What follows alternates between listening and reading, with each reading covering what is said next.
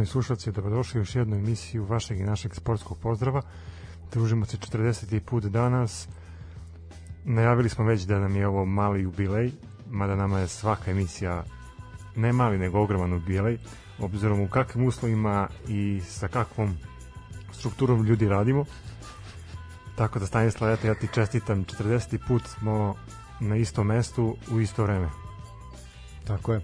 Čestitam ja tebi, hvala na, na ovim divnim rečima. Tako je, da, ovaj, nije, nije uvek lako, ali uvek lepo, kao što smo rekli prošli put.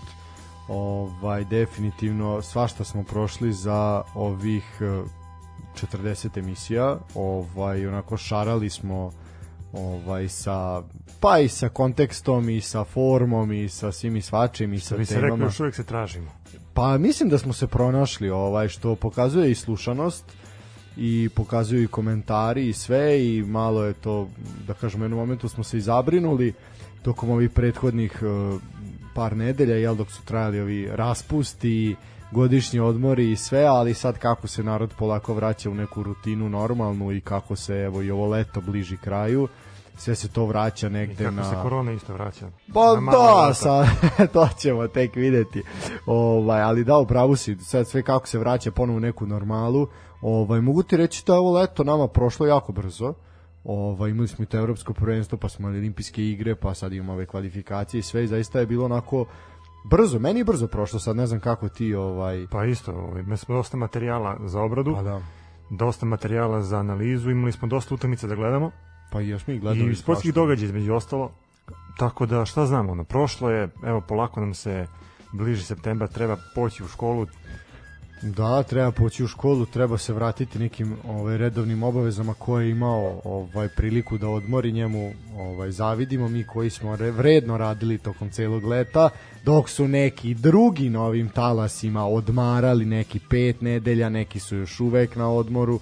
Tako da Dobro, to je sve pokazuje koliko smo mi profesionalni i bolji od ostalih, ali koliko smo na nivou. koliko smo na nivou.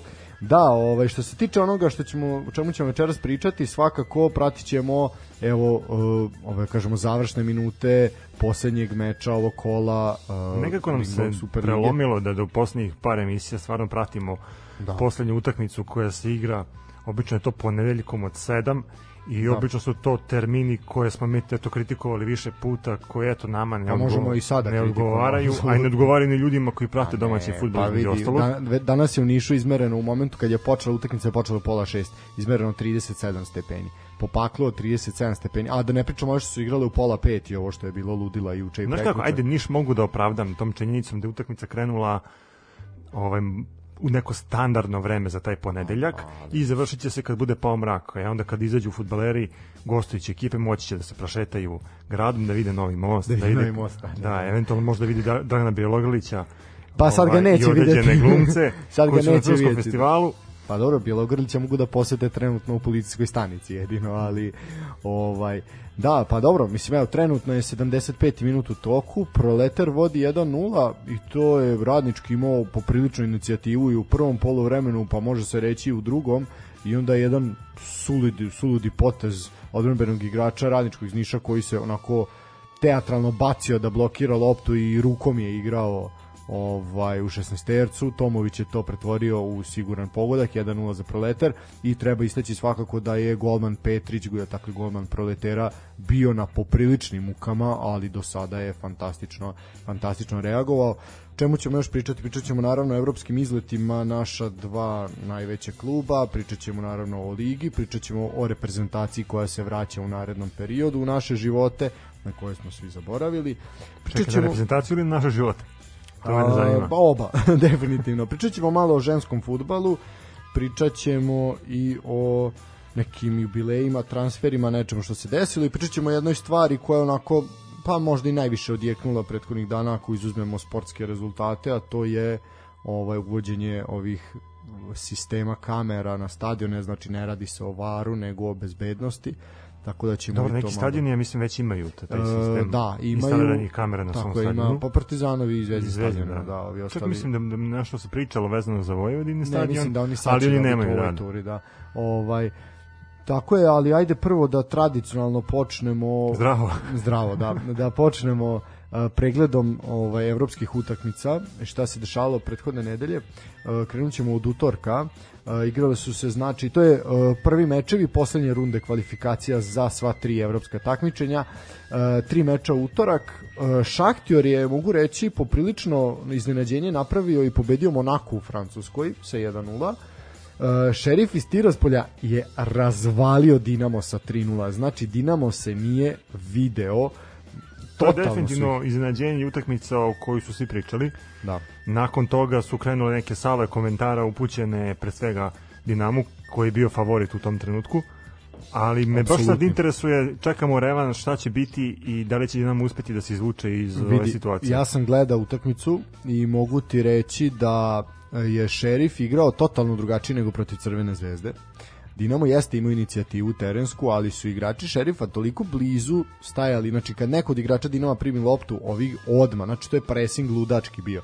I jednostavno kada su pustili su ih da igraju futbal uz taj pressing, oduzimaju lopte, dolazi do kontre, tri gola, realni, sad realni da budemo šerifi mogu da daju još dva komada, znači moglo je biti poprilično ozbiljan rezultat i ovo je sada, mada su svi u taboru Dinama poprilično optimistični, ne znam na osnovu čega, ali A, oni možda svi... jednostavno igraju kući, pa Pa da, oni su svi optimistični šans. da mogu da da mogu da pobede ubedljivije i da mogu da uh, da kako da kažem da prođu da prođu dalje. Znači kako dobra stvar u svemu ovome je to što za kladioničare koji prate i koji vole da se klade, ovo će biti jako interesantan duel, obzirom na to da Dinamo juri ta tri gola koje mora da postigne kako bi anulirao ovaj, tu prednost koju šerif ima u, u prvoj utakmici. Tako da eto, savjetujemo da idete od 3 do 5 golova, pa probajte, možda uspete da, da osvojite neke novce, a možda Dinamo uspe da se izvuče iz ove situacije. Ali svakako definitivno jedno od eh, većih iznenađenja kada su u pitanju evropska takmičenja u ovoj nedelji iza nas. Tako je. Ovaj, e sad imamo i poslednji taj duel utorak, to je bio uh, Salzburg, uh, Red Bull Salzburg protiv Brondbija, 2-1 pobjeda Salzburga, to mislim da nije neko veliko iznenađenje, to se očekivalo. I utorak smo imali meč, uh, jedini meč uh, kvalifikacije za Ligu Evrope, a to je bilo Crvena zvezda Kluž u Beogradu. Uh, šta možemo reći o ovom meču? Pa kritikovali smo Zvezdu dosta ove sezone. Više puta. Moram da više da puta, više puta nego što smo ih hvalili. E sad je ovaj put je stvarno za pohvalu. Uh, Zvezda je utorak odigrala zaista za sve pohvale. Demolirali su Kluž i može se reći da su jednom nogom već u grupnoj fazi, da za tri dana mogu da očekuju žreb. Stanković je puno rotirao ove sezone, u svakom meču je bilo drugačije, e ovaj put je izgleda pogodio pravu postavu, a pre svega taktički je totalno nadmudrio Rumune, kojima zaista ne cvetaju ruže u ovom delu sezone, ali opet su, su ozbiljan protivnik. Uh, definitivno najbolji meč koji je Zvezda odigrala ove sezone, ne možemo računati one proti Kajrata kada je došlo pola tima, onog co ekonom je stao na gol i tako dalje i tako dalje. Ovaj, I mislim da je neko pre bilo kakvog žreba ponudio siguran plasman u Ligu Evrope, siguran sam da bi to Stanković oberučke prihvatio. Uh, takmičenje zaista sada je grupna faza na dohvat ruke i mislim da bi zaista ispadanje Crvena zvezda u Rumuniji bilo ravno možda najveće senzacije u istoriji istoriji domaćeg futbala i sad se samo pokazuje koliko je zapravo koliko prednosti ima šampion države. Znači jako teško ispasti iz evropskih kvalifikacija. Znači vi morate jednostavno ono imaš zagarantovanih. Znači pogledaj koliko je Zvezda već sad odigrala utakmica. Znači imali su uh, u Ligi šampiona pa sad imaju Ligu Evrope znači pa će imati još šest sigurnih u grupnoj fazi pa proleće jel znaš šta se dešava u Ligi Evrope? Prva dva idu dalje treći ide u Ligu konferencije Znači, to je sigurno imaš proleće. Znači, to je sad poprilično, ono nekad je bilo dajte nam proleće jednom u 50 godina, sad sad je zaista Dobro, nemoguće. Promenio se uh, sistem takmičenja. Da. UEFA je gledala tako da, da približi te, da kažem, manje klubove, klubove koji da. ne potpadaju pod Ligi petice, da imaju mogućnost da, da se takmiče i da, eto, što da ne, pa i prezidnu u Evropi. I ono da, što da... je bitno reći, Liga Evropa je smanjena sa 64 na 32, da, da. što je samim tim je mnogo kvalitetnije i, jel, kako da kažem, koncentracija kvaliteta je veća, tako da će tu biti, biti dobrih utakmica. Znaš kako sad, ako, ako pogledamo sva ta tri takmičenja koju UEFA ove godine prvi put uvodi, zajedno. Liga šampiona definitivno odskače od Lige no, Evrope i Lige konferencija. Liga Evrope i Lige konferencija su tu negde, tako da možete da vidite klubove koji su nekad predstavljali ozbiljan strah u Ligi Evrope da se bore sad u, trenutno u Ligi konferencija. A kada, kada smo kod Zvezde, ja mislim da Rumune i dalje boli prvo ovaj ono izbacivanje i ona petarda ovaj kada je naš nacionalni tim dobio na na stadionu Rajko Mitić, pa to se nekako prenelo i na i na Kluž koji eto čak u prvom u petom minutu, pardon, ovaj već primio gol. Da, Pavkov se sjajno snašao. I eto Zvezda je krenula u tom nekom svom ritmu prepoznatljivom. Eto, na kraju dobar rezultat za njih vidjet ćemo šta će biti u revanšu i nadamo se da crveno-beli mogu do gru, grupne Momo, faze Lige Evrope. Nema šta da se nadamo, to je gotova priča. Mislim, pa, ako izgube ipak... 5-0 u... Pa, to, ali to je futbol, danas, danas igraju futbol i lopte okrugla. Pa super, ali ako propuste 5 gola, treba kolektivno da se samo ubiju, znači ne treba se vraćaju iz Rumunije moj da mislim to su zaista od da plivaju Dunav. A kao ovaj na Butan boci kao kao Belodedić. Ovaj ne, što se tiče same utakmice Pavkov eto i sam si rekao već u petom minutu je otvorio Rumune, Kataj odličan u 38.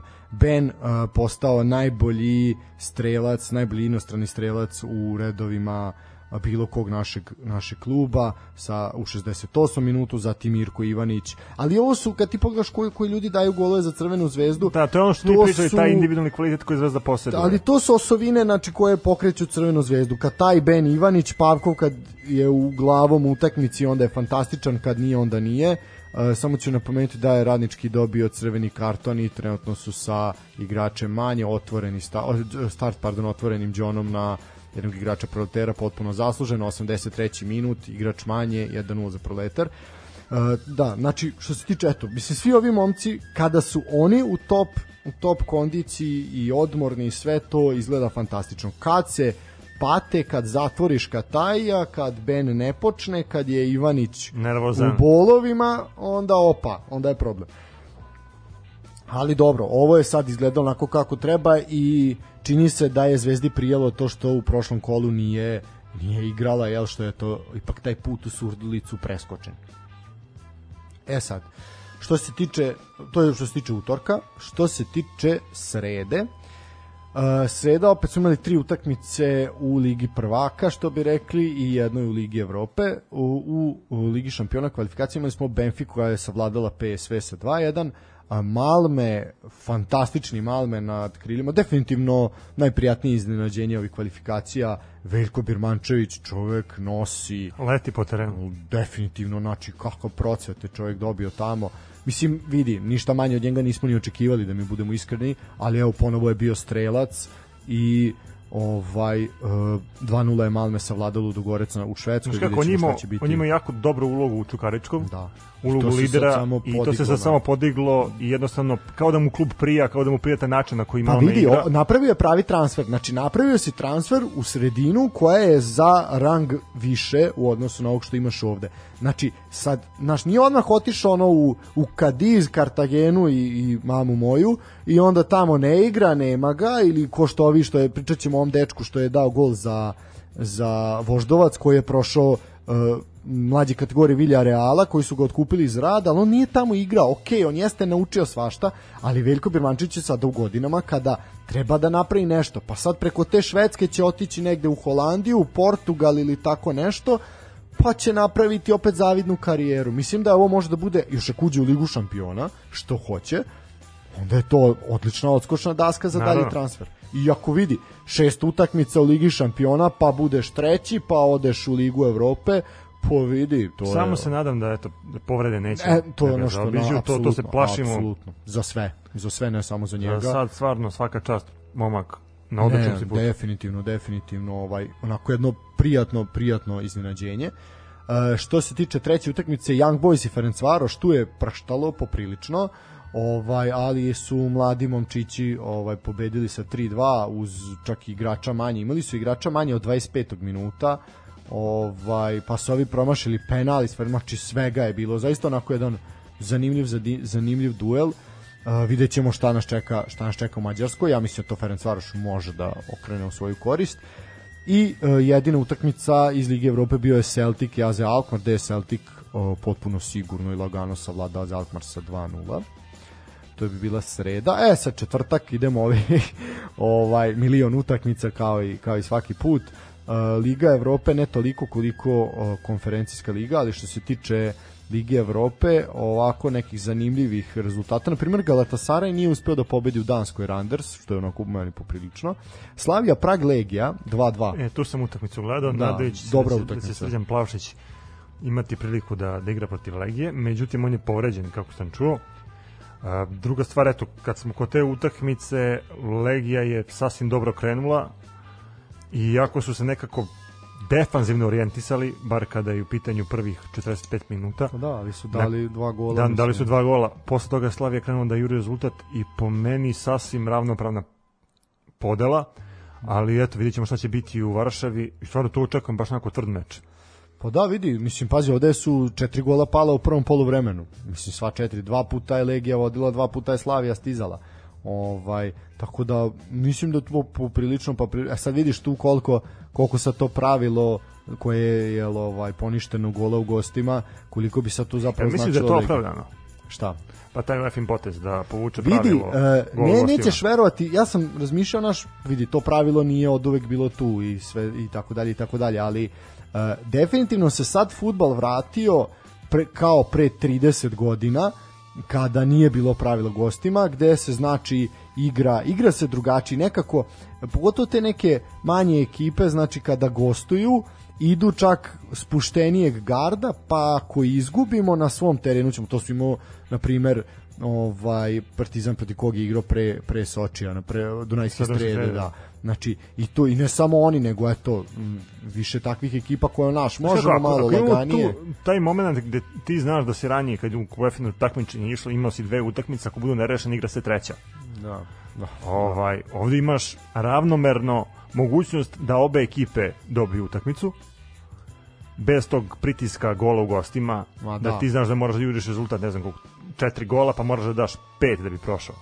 Tako je, ne, po meni, po meni se vratila, mislim da je, da je potez dobar, makar za sad. Ok, vidi, mislim, uvijek ćeš imati nekoga ko je oštećen ili ko je nagrađen, to je jednostavno tako, ne mogu biti svi, svi ovaj načisto, ali mislim da je ovo dobar potez, jer zaista to nema tu više, tu sad tolike prednosti domaćeg terena, mislim, ima, ali su redka mesta, znači, prvo ti moraš uzeti Ali u obzir... suštini, u suštini igra se za gol više. Da, točno. Mislim, to jeste poenta, poenta jeste ubrzavanje, a ne da igram bunker, pa, pa ovaj ću napadati, ne, nego ovako se sad mora, mora igrati otvorenije. Ali moraš uzeti obzir da ti nemaš toliko, pogotovo sad ajde iz Bokovida i svega, nemaš toliko tih terena gde su e, koji daju toliku prednost domaćoj ekipi. Mislim, ajde ovde na Balkanu, Turska, naš tu gde su malo ta ovaj ultrasi malo jači, ovaj tifosi onda tu prave razliku, ali ti u, mislim koju razliku Randers ima, razumeš i, i ono Omonija s Kipra, on ima je sve jedno igre tamo ili vam, ovaj ili Antwerp i tako dalje. No dobro, ajmo dalje. E, Mura, jedini slovenački predstavnik koji je ostao u kvalifikacijama izgubila od Šturma iz Graca, to smo rekli, to je bratski derbi, ovaj sa Lokalni. 3-1. Lokalni, da, izgubili su sa 3-1. Fenerbahče, na primjer, dobio HJK iz Finjske sa 1-0. Olimpijakos je dobio 3-0 Slovan iz Bratislave, to Olimpijakos je onako rutinski odradio taj meč. Uh, Rangers je pobedio Alaškert sa 1-0 i Rapid iz Beča je dobio Zoriju sa 3-0, to je sve, ne, kažem, očekivano.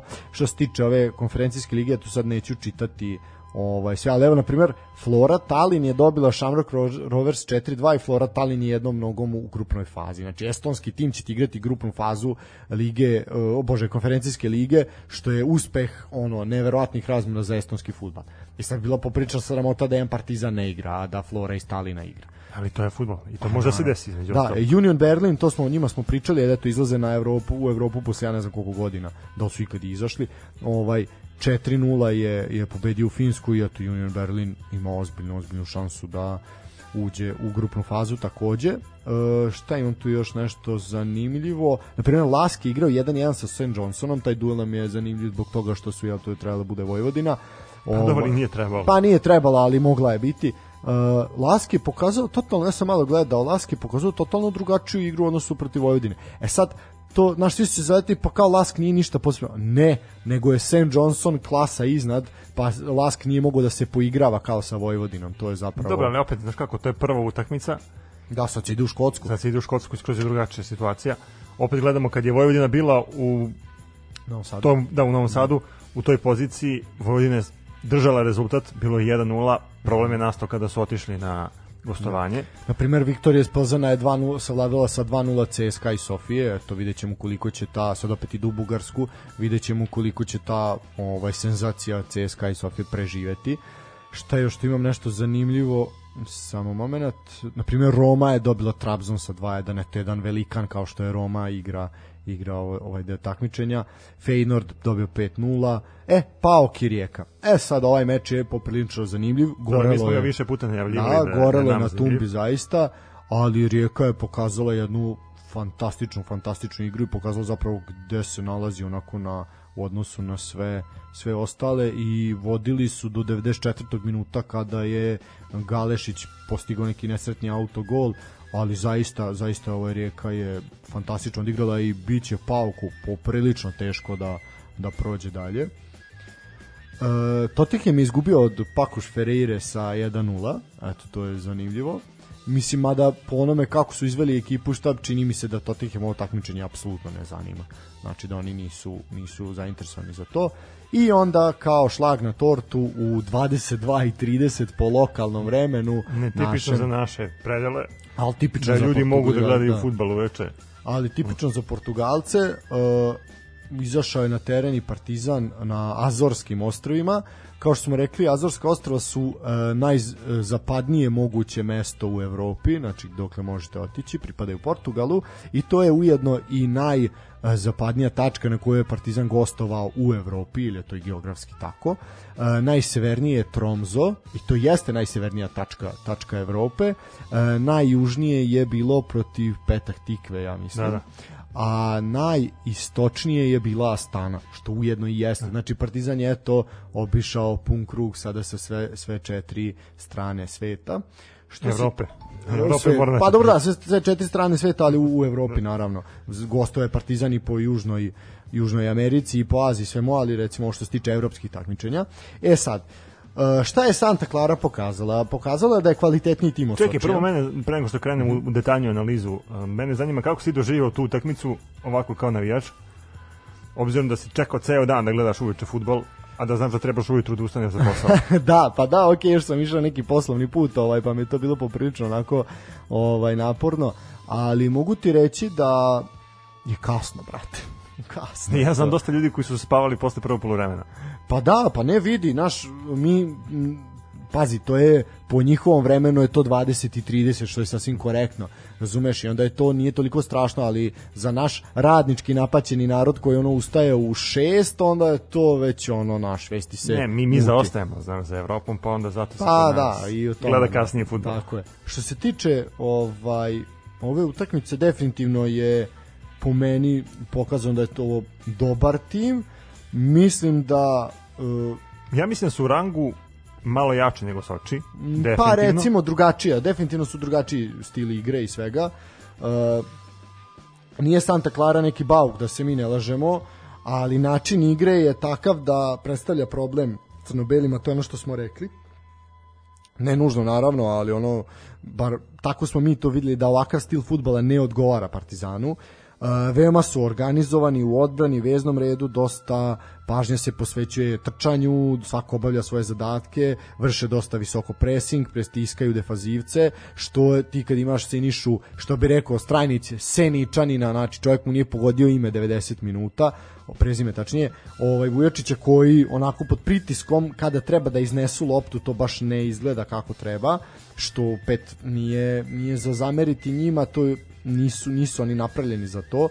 Ovaj, e, što se tiče Santa Clara, znači jako pokretljivi, jako brzi, tehnički apsolutno pothovani, e, taktički takođe. E, prednost Partizana će definitivno biti u tom huku sa tribina ovaj koje će nositi u tom nekom udarnom momentu ono prvih 15-20 minuta ja mislim da će prednost biti i u vremenskoj razlici definitivno Partizan je igrao po kiši i po veoma vlažnom vremenu Uh, da, visoka vlažnost vazduha, ali znaš šta je još bitno? Santa Clara igra večeras utakmicu. Znači igra večeras, pa igra u četvrtak, što je poprično. Pritom su prodali napadača negde u Saudijsku Arabiju, Ovaj sad vidim da se oni nešto bune pošto su shvatili da im je to ono od ovoga mislim ući će u grupnu fazu pa sad oni nešto stopiraju taj transfer sad tu svašta nešto neki novci veliki su u igri sad vidjet ćemo kako će se to odviti ali definitivno imaju problem i kadrovskih problema.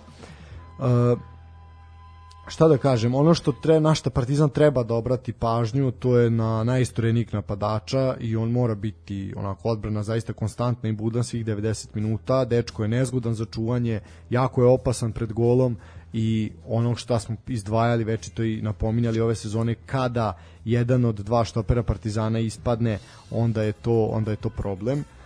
Uh, jedna solidna ekipa, ništa više od toga, ali, ali solidna ekipa. Uh, deluje mi da su momci u crno-belom onako ušli nekako bojažljivo i nesigurno ovaj meč, sad uh, brzo su primili gol, već u trećem, četvrtom minutu je pao gol i onako m, poprilično su i primili su sličan gol kao protiv Sočija, znači ono svi su nešto ostali ukopani, oni su im lagano prodali foricu, ubacili u peterac, ovaj čovjek ubacio gol, ništa tu niko nije mogu, svi su ono ni, kao očigledno imaju problem oko preuzimanja. Da, barem kad kad su pitanju te evropske utakmice. Tako je, ovaj strelac je bio igrač koga smo i pominjali, El Carlos Junior. Uh, u drugom poluvremenu se opet krenulo sa golom domaćina, ponovo je odbrana spavala, gledala kako Popović nemoćno pokušava da zaštiti svoju mrežu. Uh, što se tiče Partizana, jedini gol je postigao Vujačić, na prekid izvio Jojić, Čekić je proigrao Vujačića, ovaj to sad već rutinski ovaj re, realizuje, ubacuje u mrežu. Partizan je delovao nesigurno, neorganizovano, samo u par navrata je uspeo, uspeo da stvori neke opasnije situacije.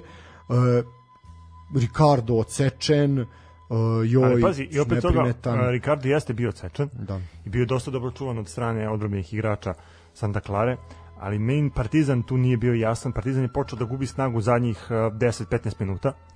To smo videli time što su pokušavali dugim loptama da gađaju Ricarda, koji je pokušavao nešto da se zagrađuje na kraju su to bili samo bezuspešni pokušaji Partizana da uopšte dođe do napada i onda se svelo sve na kraju na odbranu koja je u nekim momentima stvarno mogla poprilično da kiksne ali eto se u svemu na kraju ostao taj rezultat koji je ostao Partizan jeste imao sreću, ali mislim da je prednost Partizana upravo u tome što igra utakmicu narednu na svom stadionu. Tako, to je jedina prednost. Gde će biti skroz drugačija atmosfera, pritom Partizan mora da menja nešto u svojoj igri, ako hoće prolaz dalje, jer ako bude igrao onom igrom koju je igrao u Portugalu, teško da, da će doći do... Da, mislim, vidi, krajnji rezultat s obzirom na prikazanu igru nije loš, mada će biti teško savladati ovakvu ekipu sa dva gola razlike, ali kažem, ako ih vi otvorite na pravi način sa hukom s tribina, što Partizan ima taj udar prvih 15 minuta, kada će se ovi pogubiti, onda, onda je tu, tu šansa.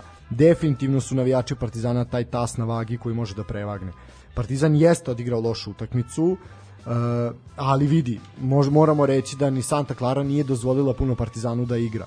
Znači, definitivno su pojedinci pod, podbacili, kao što smo rekli, Kardo se nije video, štoperi su bili nesigurni, bekovi su se poprilično mučili, sad znamo da je Urošević povre, e, ima pardon, žuti karton, tako da je, videli smo u, u Lazarevcu ovoga Obradovića, vidjet ćemo sad koliko će Ivan Obradović, on jeste ofanzivniji, zna da se ubaci, da se nađi pred golom, Miljković je bio jeziv, znači Miljković se nije video, po meni je... Dobro, kad smo kod Miljkovića, mislim da su i oni dobro skautirali ekipu Partizana. Da, da. Partizan najčešće Miljkovića nije teško iskautirati. Pa da, Partizan je najčešće bušan po toj desnoj strani, Absolut. odnosno levoj kada vi napadate.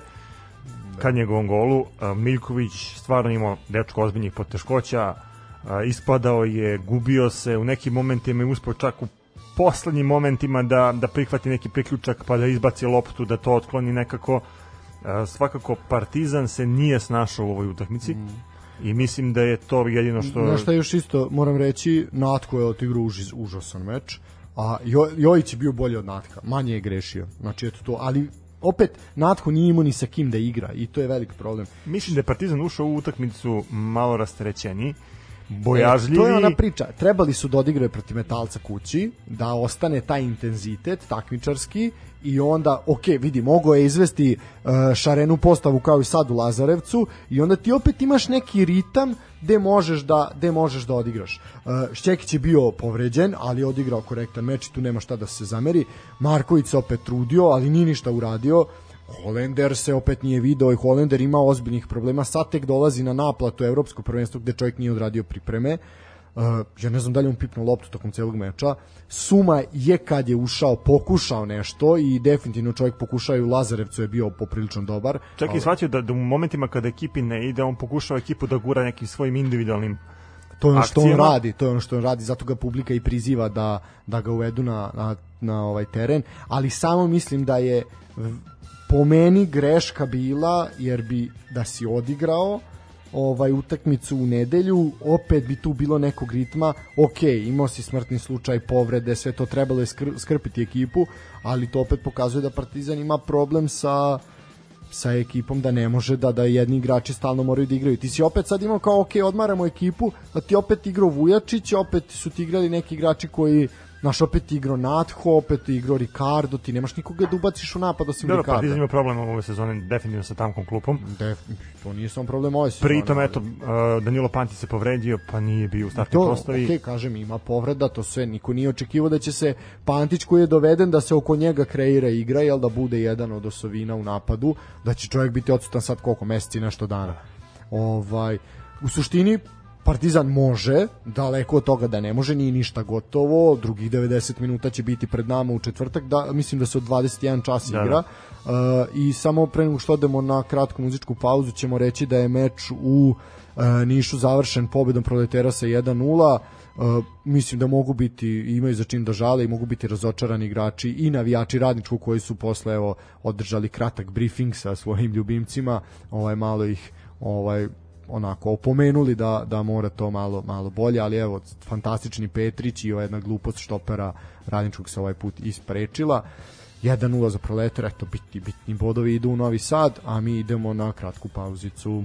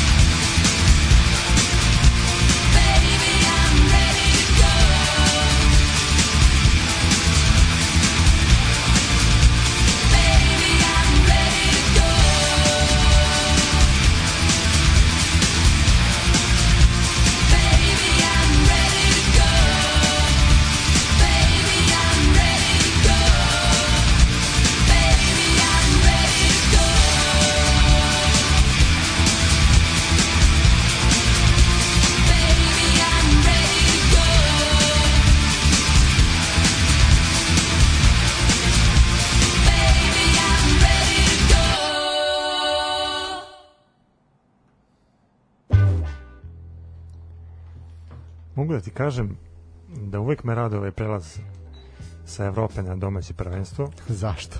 pa nekako, ne znam, Svoj na svome, sentimentalno sam vezan za, za Linglong Superligu. Dobro, za sad samo sentimentalno, možda jednog dana, bože moj, finansijski budemo vezani, ovaj, ali nije sve, Mislim da ne će do treba toga biti baš teško doći.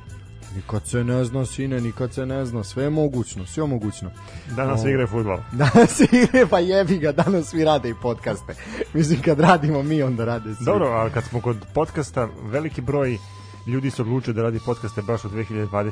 i toj korona godini. Mhm. Nekako mi je palo na pamet da to treba da urade, između ostalo, eto je, i mi smo došli na tu ideju, možda malo ranije nego što smo očekivali, ali smo na kraju uspeli nekako Mhm. Silom prilika da realizujemo to što smo na kraju i mislili. Da, pa eto vidiš, mislim da, mi smo se o ovoj priči dogovarali ovaj mnogo pre nego što smo zapravo zapravo počeli počeli da radimo, ali eto meni se sviđa što se to nekako poklopilo da bude sa sa početkom tog prolećnog dela takmičenja prošle sezone i uopšte mi je drago, to sam i napomenuo, Slobodno reći sa zvezdanim prolećem. E, pa ne I sa samo Radovim sa, sa između radovim, sa radovim prolećem. Inače kad smo kod rada, rad beleži katastrofalne rezultate u prvoj ligi Srbije. na čemu A dobro, još uvek se traže. traže se, da, da, da. To, to nije voda u Ovaj, koju su oni navikli da plivaju. Tako je, ta bara zapravo u kojoj se navikli da plivaju.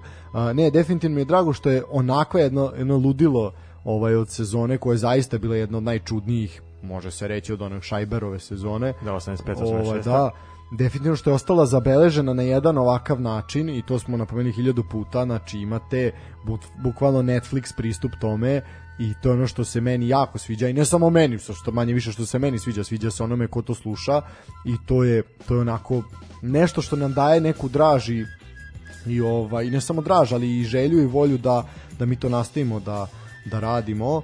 Ovaj eto to je to je nešto bar moje neko neko viđenje stvari kako se ja ja osjećam po- ovaj u vezi svega toga morate priznati meni je ovde najteže ja treba pogledam sve ove utakmice tako da Da, ovaj, da, ti gledaš preko TV i gledam uživo, pa sad ti vidi kome Pa dobro, i ja idem na neke koje mogu da stignem, ove koje ne mogu, onda jebi ga naš. Sad mi je dobro što se ne poklapaju, naš, pa onda mogu da... Treba si nešto pametnije u životu da radiš, na primjer da čitaš Muhanđija.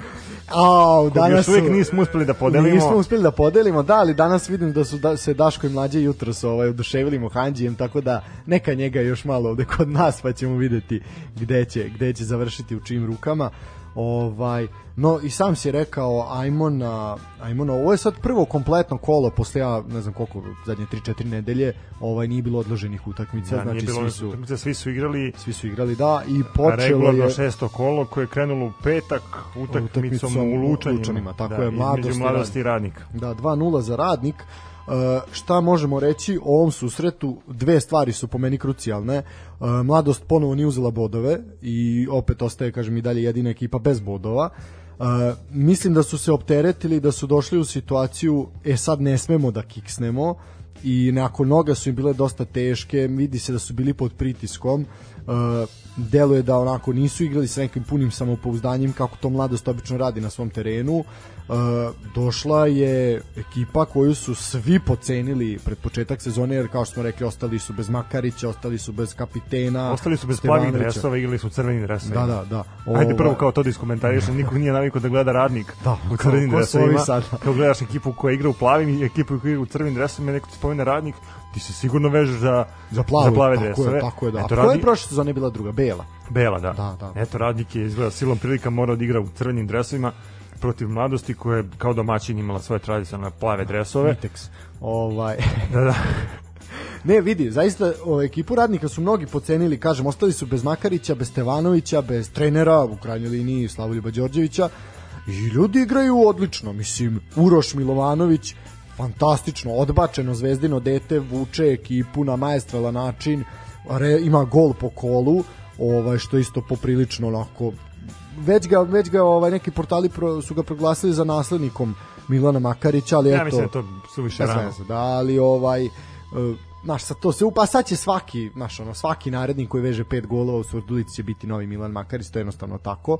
Ovaj, doprinos je dao i Nemanja Subotić takođe, takođe svojim pogodkom u 58. minutu. Uh, radnik, eto, dolazi do još jednog još jednog brejka, još jedne pobede, pobede u gostima, pobeda koja će im svakako značiti da pokušaju da dođu do play-offa, mislim da im je to realan, realan cilj ove sezone i realan Ne znam, ako, ako bacimo akcent na prvi 45 minuta gde nije bilo golova, Pa nisi šta ni da vidiš. Pa bilo je i situacije, na primjer, eto, mladost je krenula kruto, radnik je napadao, što se smeje što sam rekao kruto, ali dobro, to su tvoje seksualne fantazije. Nisu moje fantazije ni o ničemu što je kruto. E, sad. ali ovaj, Sad. pa ne vidi. Nemoj sad da se izvlačiš. Ali I čekaj. I pusti me da kažem ono što, što E, mislim. da Hoću kažem. samo sekundu, vidi, ali radnik je imao više šansi u prvom polu. Naravno, radnik ima više šansi. Ali je imao, na primjer, uh, mladost imala dve jako dobre šanse. Da. Jedna glavom preko, preko gola i druga je bila ona jedna na jedan situacija gde, gde Pa da, imali su da- dva da- šuta okvir da. gola, to je bio taj Da, jedan. I to je bilo to što smo uspeli da vidimo za 45 minuta.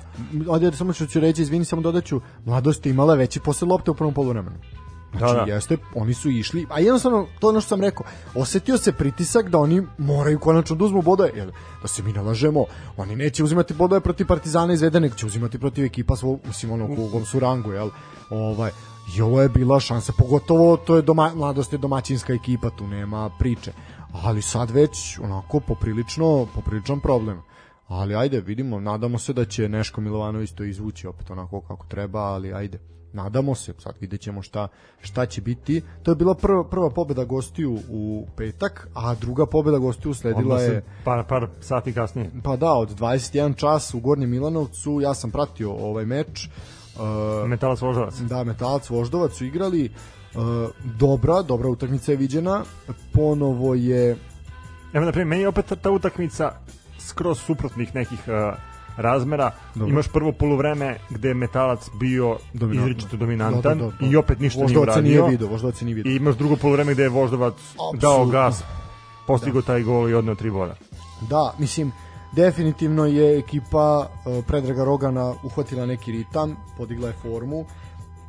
Uopšte ako gledamo moment kada je Rogan došao prošle sezone kad se Voždovac ono je klizio ne, nezaustavljivo ka ka ispadanju, ovaj ka toj opasnoj zoni, ali evo, druga uzastopna pobeda, treća u ovoj sezoni. E, opet je meč viner Nikola Vujnović, koji je fantastični minijaturom, znači čovjek je prošao, pogodio onako ka, Volim, znači, kao da, da krene u taj solo prodor, E, vidi, zalomi dva, tri igrača, šutne, nekad uspe da, da promaši, nekad golman odbrani, ali eto ovaj put je bio precizan. Ova, eto, momak koji ima 24 godine, inače rodom sa Cetinja, zaista onako... Gde si izvukao ovaj podatak? Gde si izvukao podatak? Pa ima sve, pa sve ima ček. Kao, kao to za nekad.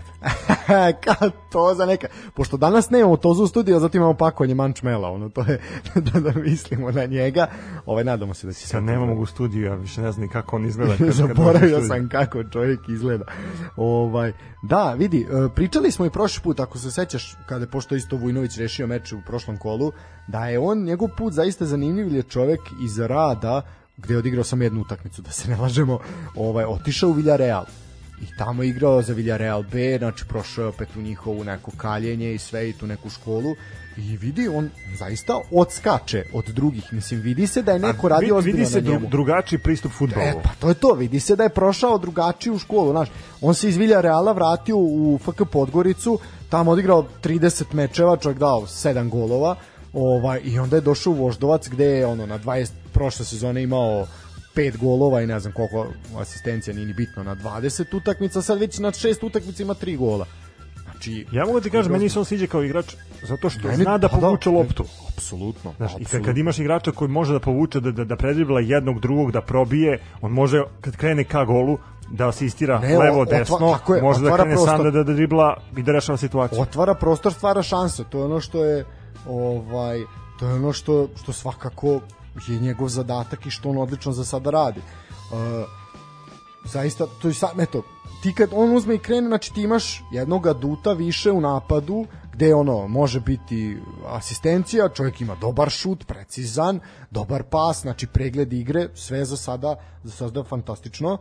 E sad što se tiče, kaže, rekli smo, Metalac je imao čak i tu jednu prečku, ali Miloje Preković na golu ovaj, Voždovca je bio dobar, zaista dobar. I eto, ostaje Milanovac na četiri osvojena boda, Voždovac sada, Voždovac nema nerešen, ima tri pobjede i tri poraza, što je jako zanimljivo, znači igraju ili toplo ili hladno, nema, nema između. Tako da eto, zanimljivo, e, e da, bitno za reći jedna stvar, e, pričali smo o odlascima u Metalcu, da su ostali bez e, prestiža, da su ostali bez e, Katanića, a ovaj dobili su jedno jedno ozbiljno pojačanje. E, najavljeno je to krajem krajem jula meseca, mi smo i pričali o tome, ovaj kad smo malo bistrili taj transfer transfer pijacu. Uh, i eto, malo se sačekalo dok su se regulisali stvari sa Watfordom, koji je zvanično vlasnik Filipa Stuparevića i eto, Filip Stuparević je potpisao ugovor i promovisan je kao novi špic metalca, ozbiljno, ozbiljno pojačanje, dečko Čekaj, on je Čukaričku otišao u Otvor, je tako? Mislim da da.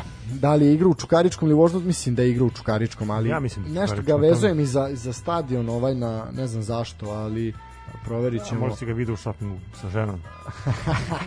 sad, ćemo, Ko zna šta si radio? sad ćemo to proveriti, ali da, eto, mislim, zanimljivo, zanimljivo zaista je sad šta šta će biti, kako će biti, koliko on tu može da pomogne, pošto zaista ovaj metalac ne deluje onako kako bi trebao ove sezone. Pa No- loše su startovali. A loše, plus vidi se da tu nešto u ekipi ne štima, razumeš, tebi odlaze I možda dva- smo ih mi urekli. A možda da, toliko smo ih hvalili prošle godine da ono moguće da... Ne, i hvali smo ih po tome kako su krenuli da, da grade tim za narodnu sezonu. Da, ali To smo vidiš, isto radili sa radničkim. Odnosno, bar sam ja uradio sa radničkim prethodni put, prethodni da. put, tako da O. možda smo stvarno bacili neki urok njih. Da, no, da, a znaš koliko smo taj voždovac kleli jebote prošle sezone, a vidi ovi sad igraju odlično. Mislim, ali dobro, znaš, kritika je urodila plodom. E da, imamo jednu vest, eto više sad opet totalno suprotnu i za, vezanu za voždovac, a to je da je e, Luka Cvetićanin, koji inače najbrži, najbrži futbaler naše lige, gde je izmereno, sad ću te slagati, da sa loptom trči e, 35 km na sat, što je, možda sam sad i odvalio, ali ili 35 sekundi, nisam siguran, znam, vidio sam brojku od 35, mislim, nemojte mi zameriti toliko toga, sam preturio preko glave da više ne znam šta sam pročitao, ali definitivno je naj, najbrži. E, znači, ovo krilo Voždovca je potpisalo ugovor sa španskim Kadizom i nastavit će... Cartagena, to to je. Cartagena, to je ta, to je ta ruta. Ta- ta veza, znači- Jedno završite u Levskom u Sofiji, znaš. Ovaj, Znači, ne previđaš mu cvetnu karijeru. ne, nisam to rekao. Ovaj, Luka je u februaru ove godine postao punoletan, a eto, e, u najjaču ligu Španije odlazi posle samo 42 od- odigrane utakmice u Linglongu. Eto, sada već bivši futbaler Voždovca, prošao je sve mlađe selekcije u reprezentaciji Srbije u svom uzrastu i eto, mi se nadamo da će neko ko bude radio sa njim i definitivno Španija dobro podneblje za takve igrače, da će on e, pokazati svoj puni potencijal i da ćemo ga uskoro gledati na zašto da ne za koju godinu i kod Stojkovića u reprezentaciji, mislim na Pixija, jel? Ovaj, kad smo kod Dragana Stojkovića Pixija, e, nakon ove utakmice, to je posljednja utakmica u petak, e, u subotu ranim jutarnjim časovima je izašao spisak igrača za predstojeće predstojeća tri meča e, reprezenta, repstacije. U pitanju su prijateljski dueli sa Katarom, znači u Debrecinu, u Mađarskoj će se igrati 1. septembra, potom dva meča u kvalifikacijama za svetsko prvenstvo protiv Luksemburga u Beogradu 4. septembra i Republike Irske u Dublinu 7. septembra, ujedno to je sad i prva reprezentativna pauza u ovoj sezoni, imaćemo ih podosta, znači to će sad onako često, često biti. E, što se tiče tog spiska, e, E sad golmani ti, su... ti objasni slušalcima zašto igramo prijateljsku sa Katarom. Katar je zemlja domaćin Tako je, tako narednog svetskog prvenstva. To je dogovoreno, taj duel je dogovoren još a, IHH i kad smo... kad Pritom smo to naša najavili. grupa je grupa gde fali jedna reprezentacija i onda su oni da, ubacili. bacili Katar, Katar. tako da to je to je ovaj Imali smo takvu situaciju u kvalifikacijama za dve- 2016. za evropsko prvenstvo u Francuskoj gde su Francuzi s nama igrali tu prijateljsku utakmicu kao reprezentacija koja se već automatski kvalifikovala kroz domaćinstvo. Tako je, tako je, znači to je to je ovaj i mislim da to nije loše s obzirom da to je prva utakmica, taman može Stojković malo da proveri u kakvoj su situaciji, mislim vidi ako s Luksemburgom se budemo patili onda stvarno Uh, ajde dobro protiv Irske već u Dublinu može biti svega, ali ovde u protiv Luksemburga u Beogradu zaista. Uh, što se tiče ekipe, uh, ovako golmani Marko Dmitrović iz Sevilje, Predrag Rajković iz Rema, Marko Ilić iz Kortjaka. E, ono što je bitno, a to je da je Miles Vilar ipak uh, odustao od igranja za reprezentaciju Belgije i eto kao najmlađi golman u i najmlađi opšti igrač u Ligi šampiona će Miles Vilar, Vilar sin nekadašnjeg reprezentativca Jugoslavije, sada član Benfike, igrati za reprezentaciju Srbije. Mislim da ćemo njega videti već na tom prvom meču sa Katarom, pošto je to prijateljski duel. Ali eto, Miles Vilar, mislim Melodično da... mu ime i prezime, znaš, Da. lako za skandiranje. Mile Svilar. Da, ali mislim A da... evo kad smo kod toga Mile Svilar, bravo, evo, aplauz Ne, s svaka moje čast, strane. svaka čast, da. Prelomio je u našu korist sad koliko će to Vidi, o tome se priča biti već neko vreme. korak napred ili nazad ćemo vezano njegovoj karijeri, da. to će vreme da pokaže. Ali e, o njemu se priča već o tome da li će za koga će igrati, priča se zaista ono duži vremenski period. Ja sam bio poprilično ubeđen da dečko neće izabrati da igra za Srbiju, ne znam zašto, ali eto, ono, tako me nešto vodilo, kako je sve to delovalo. Međutim, eto, ipak mislim da taj autoritet koji ima Dragan Stojković Pixi, kad se Pixi pojavi na vratima, da ti ne možeš da kažeš ne. Dobro, zavisi i u kakvom je stanju belgijska reprezentacija. Vidi, opet je Belgija, Belgija, znaš, bez obzira. Za, Po, pogotovo sada kada znamo da zadnjih 10 godina stvarno beleže dobre rezultate i da imaju jako reprezentaciju i da pucaju na visoke ciljeve. Pitanje je gde bi on sebe mogao da pronađe u tom njihovom sistemu i da li bi uopšte mogao da bude konkurentan Pa vidi, na golu kao čovjek koji je prvi golman Bel, Benfike, a sa druge strane izuzetno mlad, pa to ovaj naš u tom periodu u kom bi se on razvijao, ono Courtois bi već otišao u, u ono već bio da kažem u kako, u kasnim igračkim godinama zalasku karijere, taman kad bi on bio sazreo da, da brani, ali ajde dobro, srce ga ipak povuklo ka nama i mi čestitamo, to je zaista ovako jedan hrabar potez, bili smo svedoci mnogo puta u prethodnom istoriji da su ljudi odbijali da igraju iz opravdanih razloga, ali dobro, eto, lepo, lepo moram priznati. Ili su prihvatili pa su onda igrali za našu reprezentaciju sa velikim Melanom, pa onda posle došlo do problema sa Savezom, pa i posle više nikada nismo videli u našem futbolu. Tako je, bilo je, bilo je i takvih. Uh, što se tiče odbrane, uh, Strahinja Pavlović koji igra ove sezone u Monaku i konačno je dočekao svoje minute u francuskom Da, prvoligašu. pazi, prošle sa njima kompletne pripreme. apsolutno prošle sezone bio na kaljenju i to je to znalo se da će ove ove godine igrati tu je sada već iskusni Stefan Mitrović iz Hetafea Nikola Milenković Black i Milenković u Fiorentini je bio čak i strelac za vikend Da, i potpisao je novi ugovor. Da, do a i- 2023. Da, a uz njega će ga po, uh, ekipu Fiorentine će potpisa, uh, pojačati pardon i Matija Nastasić koji je potpisao ugovor tako da je to štoperski tandem iz Srbije će činiti odbranu Fiorentine. E sad, koliko to može da bude dobro za našu reprezentaciju? Pa znači imaš Mislim da može dva, da bude dva stopera koji igraju u istom klubu i posle samo Tako je, biće uigrani, biće uigrani. E sad je biće samo uigrani, ali opet gledam kakva je vizija Stojkovića, da li on stvarno vidi Nastasića i Milenkovića ali vidi ti kao sad par. tako je, ali ti sad kad kad ovaj gledaš, mislim ko će ti igrati? Uroš Spajić uz svo dužno poštovanje, ali onaj molim te, Miloš Veljković koji je onako dosta promenljivo tu igra, Marko Petković iz TSC-a, mislim, ne znam, Terzić iz Fiorentine, Mladenović kao bek može da igra, ali ti nemaš nekih štopera, znači imaš, sad je veliko pitanje da li ćemo igrati sa tri nazad, sa dva nazad, znači sa tri nazad ti realno onda imaš Pavlovića, Pavlović. Blekija i Nastasića i to je onda sasvim korektno. Imaš Mladenovića s jedne strane, sad ko će biti s ove druge, to je vjerojatno Petković, jel? Ovaj, ali to je zaista onako ili neko od ovih uh, veznjaka pa će se spustiti malo niže, već vidjet ćemo, ali evo, po meni, znači ako igramo tako, znači sa tri štopera i dva ta neka višlja beka ili niža krila, kako god hoćete nazovite to, ovaj, definitivno Pavlović, Na, Nastasić i Bleki, a eto, Mladenović definitivno s obzirom na partije kakav čovjek pruža u Legi. dob, dobar je u Legi, standardan je nekik sa dobar je odbrani igrač. Da, tako je, a sad vidjet ćemo s te desne strane ko će U to suštini, eto, to su neka četiri odbrambena igrača koji vidimo da Stojković može da rotira Mislim, realno, u nekoj svojoj formaciji, Da. zamisli kako... E sad zavisi šta će, da, to sad veli, najveće pitanje je šta će on tu sad, ovaj, kako će pristupiti igri.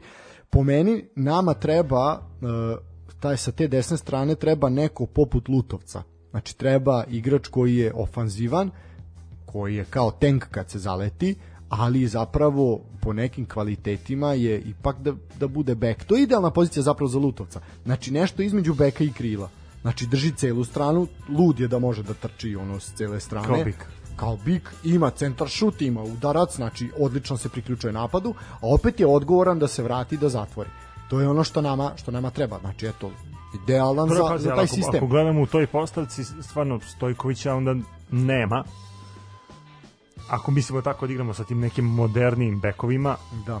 ja mislim da je više njegova formacija usmerena na to da da ima odbrambenu liniju koja će biti koliko toliko standardna, znači štoperska, sa nekim malim pokrivanjem levo i desno, a da će igrači koji su ispred njih morati da, da dodrađuju teži deo posla.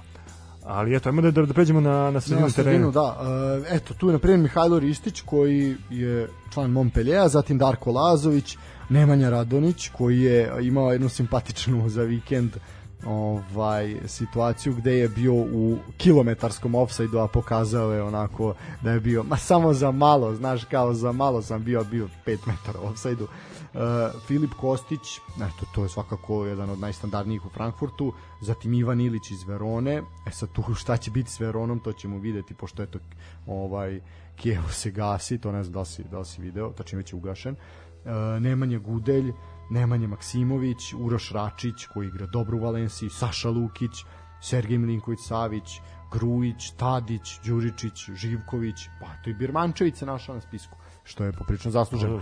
I vidi, sad Birmančevića treba nagraditi, pa makar ga proti Katara pusti.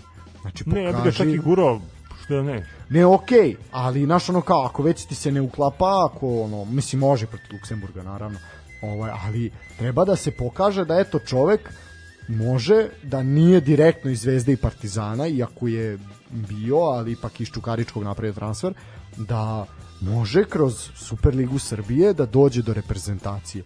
Znači, dobrim igrama u Superligi Srbije se napravio je transfer, nakon nekoliko utakmica u Malmeu je pokazao da je zreo za reprezentaciju i to će biti dobar pokazatelj i ostalima da može nešto da se uradi preko naše, preko naše lige. E sad, evo ga napadači. Što se tiče Dobro, napadača... što se tiče napada, tu smo Nema osuđeni šta, na, na, na, Mitrović, na tri, na tri imena. Mitrović fu, iz Fulama, Vlahović, Fiorentina koji je opet u fantastičnoj formi i Luka Jović iz Reala. Mislim da je tu realno da vidimo Vlahovića i Mitrovića, Jović ako sa klupe šta uradi, uradi. Ali eto, mislim imate i njih trojicu pa možete i tu kombinovati, imate tri meča pa ovaj ono šta, šta bude biće. Tako da eto, mislim da realno da upišemo sve tri pobede, mislim da to se ne dovodi nešto u posebno neko pitanje. Samo ćemo reći kratko da je e, da je ovaj e, selektor Stojković bio u poseti e, u akademiji TSC i da je onako poprilično obišao je naravno i nov stadion i sve tamo taj čitav, čitav kompleks i da je poprilično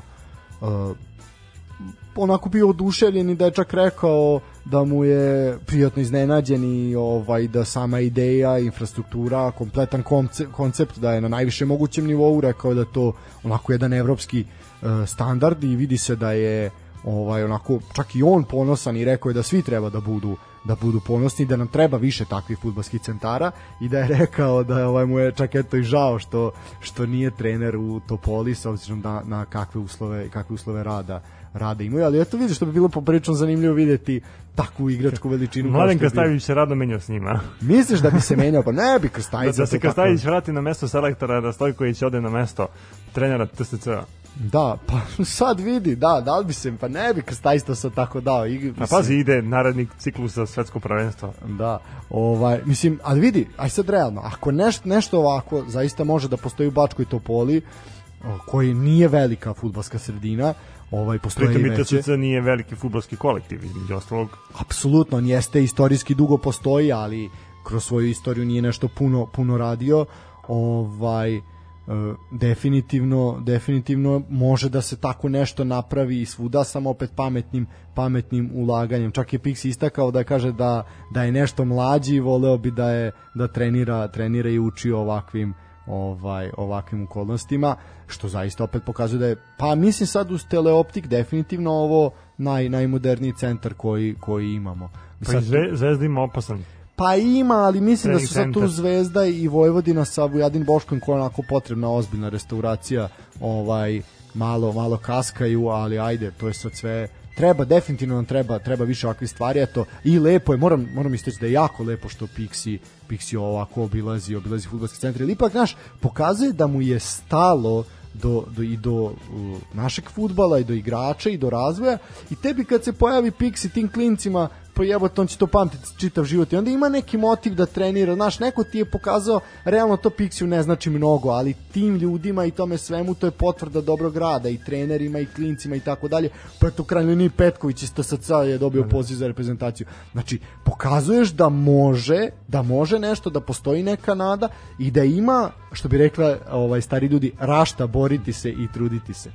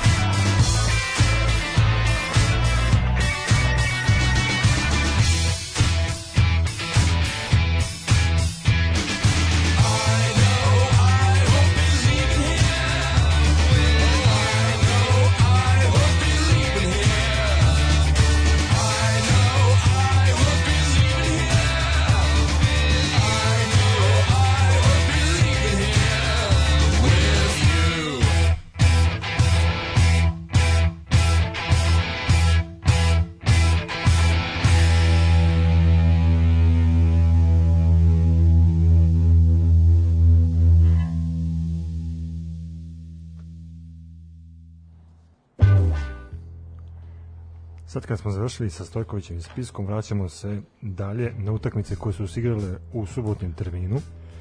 Tako je. I E, tu je toku dana prva utakmica bila Radnički Kragovac Čukarički. odlična utakmica. Ja sam ovo gledao, ovaj, iako sam bio uh, kilometrima udaljen od ovoga, bio sam u Požegi za vreme odigravanja ove utakmice. Alo, Požega. Alo, Požega, ali Ovo inače ceo grad je ispisan sa Alo Požega, znači jezivo. ovaj, ali dobro, uh, zaista prvo Čekaj, Ruiza Cokić izgovara tu, uh, tu re, rečenicu više puta. Ubi tako. me ako da, mislim da da, pa to je iz Užičke republike, Republike, da. da. Ovaj da, prilikom ovaj pokušaja da konekcije, jel, ovaj telefonske centrale. E sad što se tiče utakmice, prvo moram pohvaliti atmosferu na stadionu. Znači, čikadača je goreo, bukvalno. Dobro, znači crveni đavoli navijači Ne, apsolutno su stvarno atmosfera je- napra- napravili impozantnu Ne, bakljadu. nema šta. Mislim da njima stvarno prija što su ponovo u eliti. E, ako ćemo realno sada kad pogledamo šest kola, definitivno zaslužuju tu da budu, a neke ekipe su se već iskristalisale kao da nisu za to i da su nekako nekim silom prilika tu gde jesu ovaj, ili nekom drugom silom. E, onako, što se tiče ove utakmice, Uh, to je bio debi, debi Saše Ilića na klupi Čukaričkog i mi smo onako bili poprilično skeptični kako će to kako će to izgledati, ali ta što kažu šok terapija je bila dobra. Uh, ne mogu reći da je Čukarički izdominirao radnički, nije. Uh, jeste ubedljiv, ubedljiv rezultat. Uh, moglo je da po šansama bude neuporedivo bolnije za, za radnički. Uh, golman definitivno radničkog Radoš je bio najbolji pojedinac. Uh, prva pobjeda Sašića u svojoj trenerskoj karijeri koja je na početku. Radnički se dobro držao, ali čini mi se da je ipak Čukarički klasa iznad. E, ovo je slična priča kao kasnije za Kolubaru. Znači oni jesu dali svoj maksimum, to je njihov maksimum u ovom momentu i to je za respekt. Znači pružili su dostojan otpor onoliko koliko su mogli. Čukarički nekako, čak i sav taj neki, možemo reći po znacima navoda, bes koji je ostao od Hamarbija, ovaj su sada sada raspršili nad nad A ovaj, dobro, imali su nedelju dana da se pripreme za ovu utakmicu. vidi sve su Ohladile, izbacili ohladile su se glave. i onda je naš izašlo sve njih ono frustracija je izašla Đorđe Jovanović ponovo Pritom i sam, znaš, ono, ja pričam o tome da stalno ta promena trenera može ili negativno ili veoma pozitivno pa da to je to naš na, ili će biti ta šok terapija u pitanju u kom smeru ali ovaj put je bila dobra mislim Znaš, da se pokažu pred novim trenerom, pritom Saša Ilić, stvarno jedna futbolska veličina. Pazi, Đorđe Jovanović je igrao sa Sašom Ilićem. Milan Savić je bio u Partizanu dok je Saša Ilić bio kapiten. Bio u mlađim kategorijama do duša. Dobro, ali bio je priključen prvom timu, da. Tako je. Znači, svi znaju ko je on i kakva je on igračka legenda i tu tome ne treba i ne samo igračka, nego zaista jedan može se reći gospodin koji nikad nije napravio neki incident na terenu ili bilo šta ili izazvao neku bes protivničkih navijača što su mu neki zamerali. Nekada je mogao biti srčaniji ali čovek nije hteo da pravi neprijatelje sebi i što je opet opet pristup koji ja više cenim nego pristup na primjer Nenada Lalatovića koji će znaš koji ok showman je to sve stoji Sašeć nije showman tako je ali naš nema pola lige da ga mrazi nego će ti svako reći nešto lepo o njemu. Manje ili više ali će reći nešto lepo. Dobro. Pa da možeš ti, ja znam da ti ne slažeš sa mnom ali kad ti pogledaš suma sumarum Dobro, ja to se je nešto ne tako. znam zato što mislim da, da ljude treba da deliš na, na osnovu onoga kakvi su privatno i kakvi su poslovno. Ja, kao, ja sad pričam o pri, profesionalnom. pričam i na tome, baš na tom da. profesionalnom nivou. Ja stvarno, profesionalnom ja kažem, ovaj, on je čovjek koji zaslužuje svaki respekt kada je u pitanju futbolsku meće na terenu. Vidjet ćemo kakav će biti na, na klupi. Eto, krenuo je silovito sa Da. ta tri gola i tri boda u Kragujevcu. Uh, eto, ti si ispratio tu utakmicu. Da, moram reći par par momenata je bilo ovako koji su vredni pomena. Gol Đorđe Jovanovića, nema šta, Đorđe Jovanović, životna forma, svaka čast. Mislim da je ovo njegova godina. Ako se ne povredi opet. Da. Mislim vidi, prošle sezone imao je gol po utekmici u proseku, ali ono jednu pauziru pa onda da dva komada, što je nama bilo je beskrajno simpatično. Sada čovjek bukvalno ima gol po utakmici. Bukvalno čovjek da svaku utakmicu je strelac. Pritom ima nebeski skok. Čovjek kad se odrazi, ne mogu ni do kukova da mu budu. Fantastično. Znači, pozici, pozicioniranje, igra glavom, pregled igre, šut, sve, znači prvo nije, sad on kažeš da je on sad Nikola Žigić pa je dao 70 golova glavom, ne, čovjek je dao, kako se setimo, protiv Hamarbija, pa ali i protiv Kolubare, iako su izgubili, čovjek je dao udarcima van kaznenog prostora, znači jedan Ne, ne, jedan, napadač. napadač onakav kakav treba da bude, klasičan taj naš proizvod, odnosno eto, pošto pričamo o tim modernim napadačima, Ali nije Jovanović klasičan je. Jovanović je meni klasičan, ali pazi, A on ima, ima, klasičan. momen, ima momente kada može jako dobro da, da, da reaguje i glavom, Da. znači nepredvidive između ostalog, a može i da, da napravi jednu, dve varke, šutne i pogodi. Pa da, ali sad da li on klasičan, ja baš ne bih rekao da je kla... Mislim, naš, veliko je sad tu pitanje šta je klasika za naše, za naše prostore. U jednom periodu si imao virtuoze sa loptama, u jednom periodu si imao one sidraše, čekalice poput Save Miloševića i tako dalje, a onda si imao u jednom periodu ljude poput Kežmana, znači kojih je bilo svuda, Znaš, pa- Kompletan tretman i duhovni. Pa, pa naravno, da. Onda si imao Nikolu Žigića, znači čovjeka od 2 metra koji ono naš, tu je da skoči, da spusti loptu. Pa si imao Jestrovića koji je bio sličan, pa znaš, tako neke napadače koji su obeležili realno prethodni period u- i u reprezentaciji, ali i u domaćem, Dobro, domaćem kad, kad, futbolu. kad pogledaš taj neki osnovni profil napadača Pa, u Srbiji, Da li, da li bi ti rekao da je Đorđe Jovanović sličan napadač po karakteristikama, na primjer sa Aleksandrom Mitrovićem i Dušanom Vlahovićem? pa ne bi rekao. Ne bi rekao, ima, Mislim, ima, na Luku ima- Jovića ne liči, to, to Da, možemo da. odmah da Da, predstavimo. ne bih rekao zato što je, kažem ti opet, uh, jako je nepredvidiv.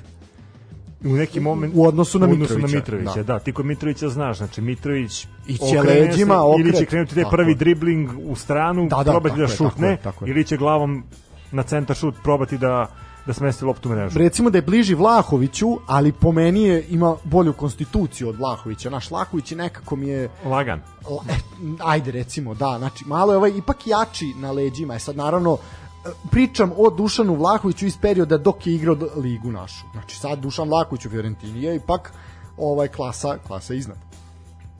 E, Dobro, e sad, znači, drugi, upoređuješ uh, igranje naravno u, u seriji A i u Linglongu ne može biti isto. Zna se da Linglong jači. I zanimljiviji. ovaj, e sad, drugi Jači gol na je... kočenju. da, drugi gol je, je sad bitan, bitan za napomenuti. Tu se videlo koliko zapravo radnički ima problema i koliko bez obzira što su zabeležili neke dobre rezultate, ipak imaju još na čemu da rade i još treba da iskoriste dok je prelazni rok aktivan. Uh, NDI je dao gol za 2-0 u 42. minutu nakon kornera. Uh, korner je izveden sa desne strane, lep, lep ubačaj na prvu stativu. Čovek je, Stefan je bio sam kao duh. On je nije skočio. Znači on je sa zemlje Samo poklopio. sa zemlje udario glavom, znači nikoga nije čuvao. Tebi čovjek ulazi na peterac, niko mu ne prilazi. Dobro, pa zato što je drugi boj kože. Da, mislim da je zbog toga. Kao tražio sam pogodan termin da se izrazi. Kad već, znaš, ako me već napadnu da sam rasista, onda makar da sam fino rekao. ovaj, ne, definitivno. Me, meni se on sviđa. Ja mogu ti kažem da me podsjeća ne, na, na. Lamina Djevru. Ne znam zašto, Pa sad, ali ovaj, nekako mi je tako mi izgleda jednostavno. Da li po konstituciji, da li zbog toga eto što je... Konstitucija, da, mislim da je konstitucija. Ali dobro, i brzonog je da se... Da se a dobro, onda više prestiž je meni. Ovaj, ali dobro, šedi, kratko, kratko je bio tu, ali... Uh, ne, vidi, ali ti ostaviš čoveka, znači, utakmica se lomi, realno. Da, ima znojnik, dojnicu na ruci. Da, to, da, da, eto, to je. To je, to je taj Ovo- moni detalj koji ga izdvaja. I onda čovjeka ostaviš samog, čovjek ti ne skoči dati go, mislim, to je realno to je da se, da se zakaže da je Duško Mijošević trener Rajničkog iskređa, sutra ujutru bi u pola pet trčali krugove, razumeš, ono, kamikaze. I onda je Milan Savić, na kog smo već navikli da ima, ima odličan udarac, postigao gol za, za 3-0. E sad, mi smo, hvalimo Čukarički, zaista, ok, kritikujemo, ali više puta smo ih hvalili nego što smo kritikovali.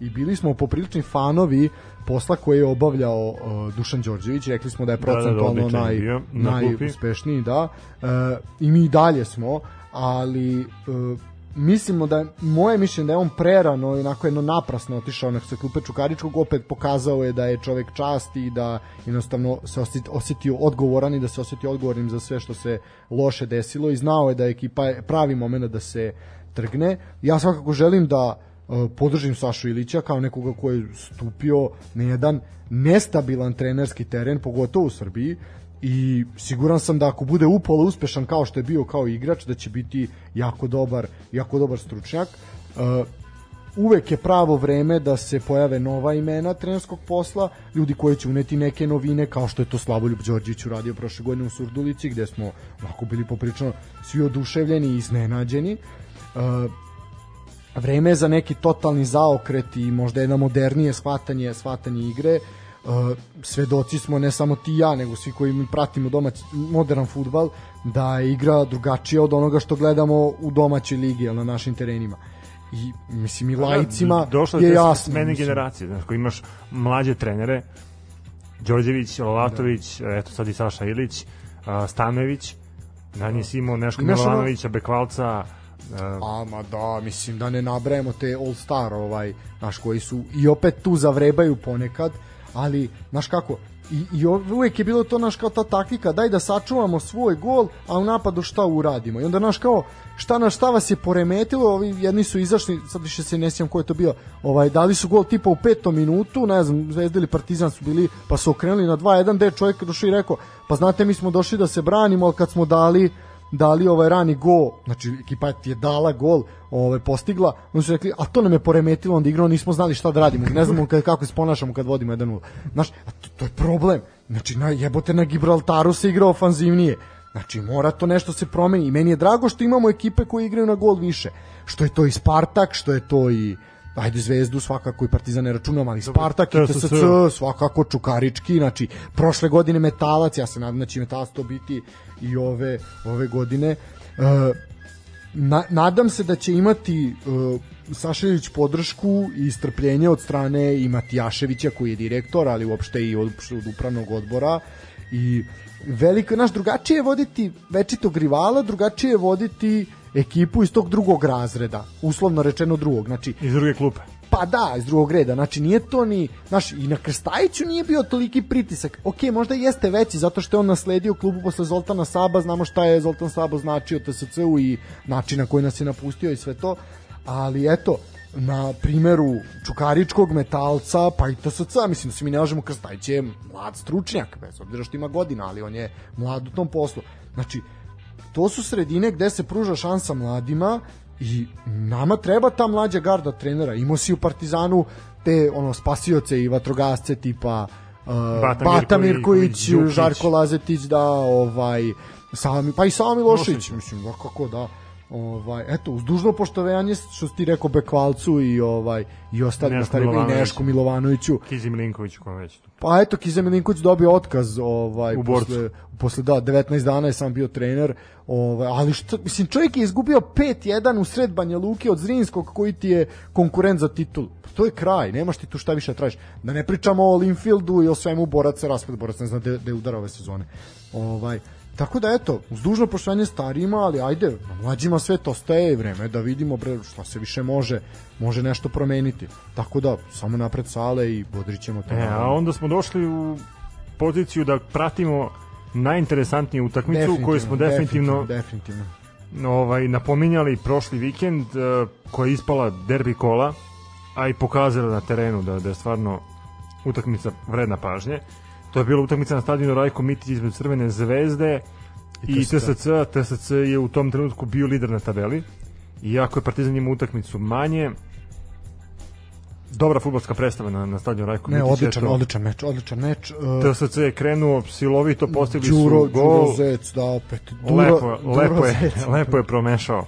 Ne, ne, me, meni, meni je ona kao ona varka telom, je možda čak i, i potez kola, gde je Pa, uz možda- fino, elegantno izbacio odbrobenog igrača i matirao Milana Borjana. E sad, aj sad ovako, da li je to majstorstvo Dure Zeca ili je nespretnost odbrane? Pa pazi, odbrambeni igrač je ispao, on je krenuo sam. On, a, dva Nije igrača, pročitao, da, da. dva, igrača, dva igrača su krenula da zatvaraju Zeca, taj prvi koji je krenuo, on je ušao u, u kontakt, odnosno probao je da uđe u kontakt, uplivo je Proplivo. Proplivo, ovaj, i na kraju završio na, na, na drugoj strani, nije mu ostalo samo da, da, da matira Borjana i poslao loptu u, ali u vidi, drugi ugao. I onda fantastičan gol Krstičića, znači Jeste, stvarno, je lepo- lepo je uhvatio volej, da. Zaista, onako može se reći čak i krunisao dobre, dobre partije od povratka, zaista, zaista, zaista lep, lep pogodak. Ne Krstović, Krstičić. Da, da, ne Krstović, nego Krstičić, nemojte ponovo da bude problema. Uh, mi, mislim, to se Ne, od tog trenutka se skroz menja stanje na terenu. Apsolutno, kreće Znaš kao, kad je da. sudija uzeo da, da, da svira posle gola uh, Durezeca, uh, Zvezda je krenula da igra mnogo oštrije. Ne, bio je šamar, bio je šamar, da, da, da. To je bilo ono kao, e, kao, ono, dosta, ajde, kao, krećemo, počeo je termin. Da. E, mislim, Zec je potvrdio da je zaista trenutno jedan od najboljih igrača u ligi, uz Lazara Tufekđića, najkonstantniji definitivno. E, pitanje je sad šta bi se desilo da je TSC uspeo da, da ta lopta Krstičića zaista nije bila tako, tako lep, lep udarac i precizan. Pitanje je sad šta bi bilo da je Zvezda da nije dala go do poluvremena, da da, da, da da je ušli u paniku malo, da, pitanje je sad tu. E sad, ulaz, ulazak Kataja i Rodića svakako je promenio situaciju na terenu, opet je Kataj ključan za igru Crvene zvezde.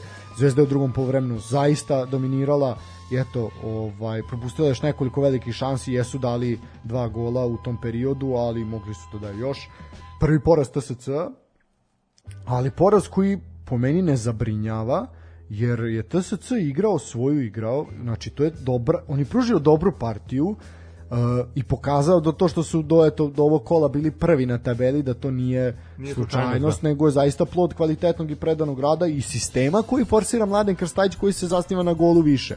Uh, Đuro Zec je inače ovim pogodkom izašao uh, na prvo mesto liste strelaca sa pe, uh, zapravo ne, Ricardo ga je prestigao, Ricardo, je Ricardo dao je dva pre- gola, znači sad je drugi sa pet, Ricardo, Ricardo ima šest. Uh, Kataj je bio strelac u 52. i eto opet Elfardo Ben, fantastični sa, za 3-1 u 78 minutu, ponovo Ben je isto u fantastičnoj, u fantastičnoj formi.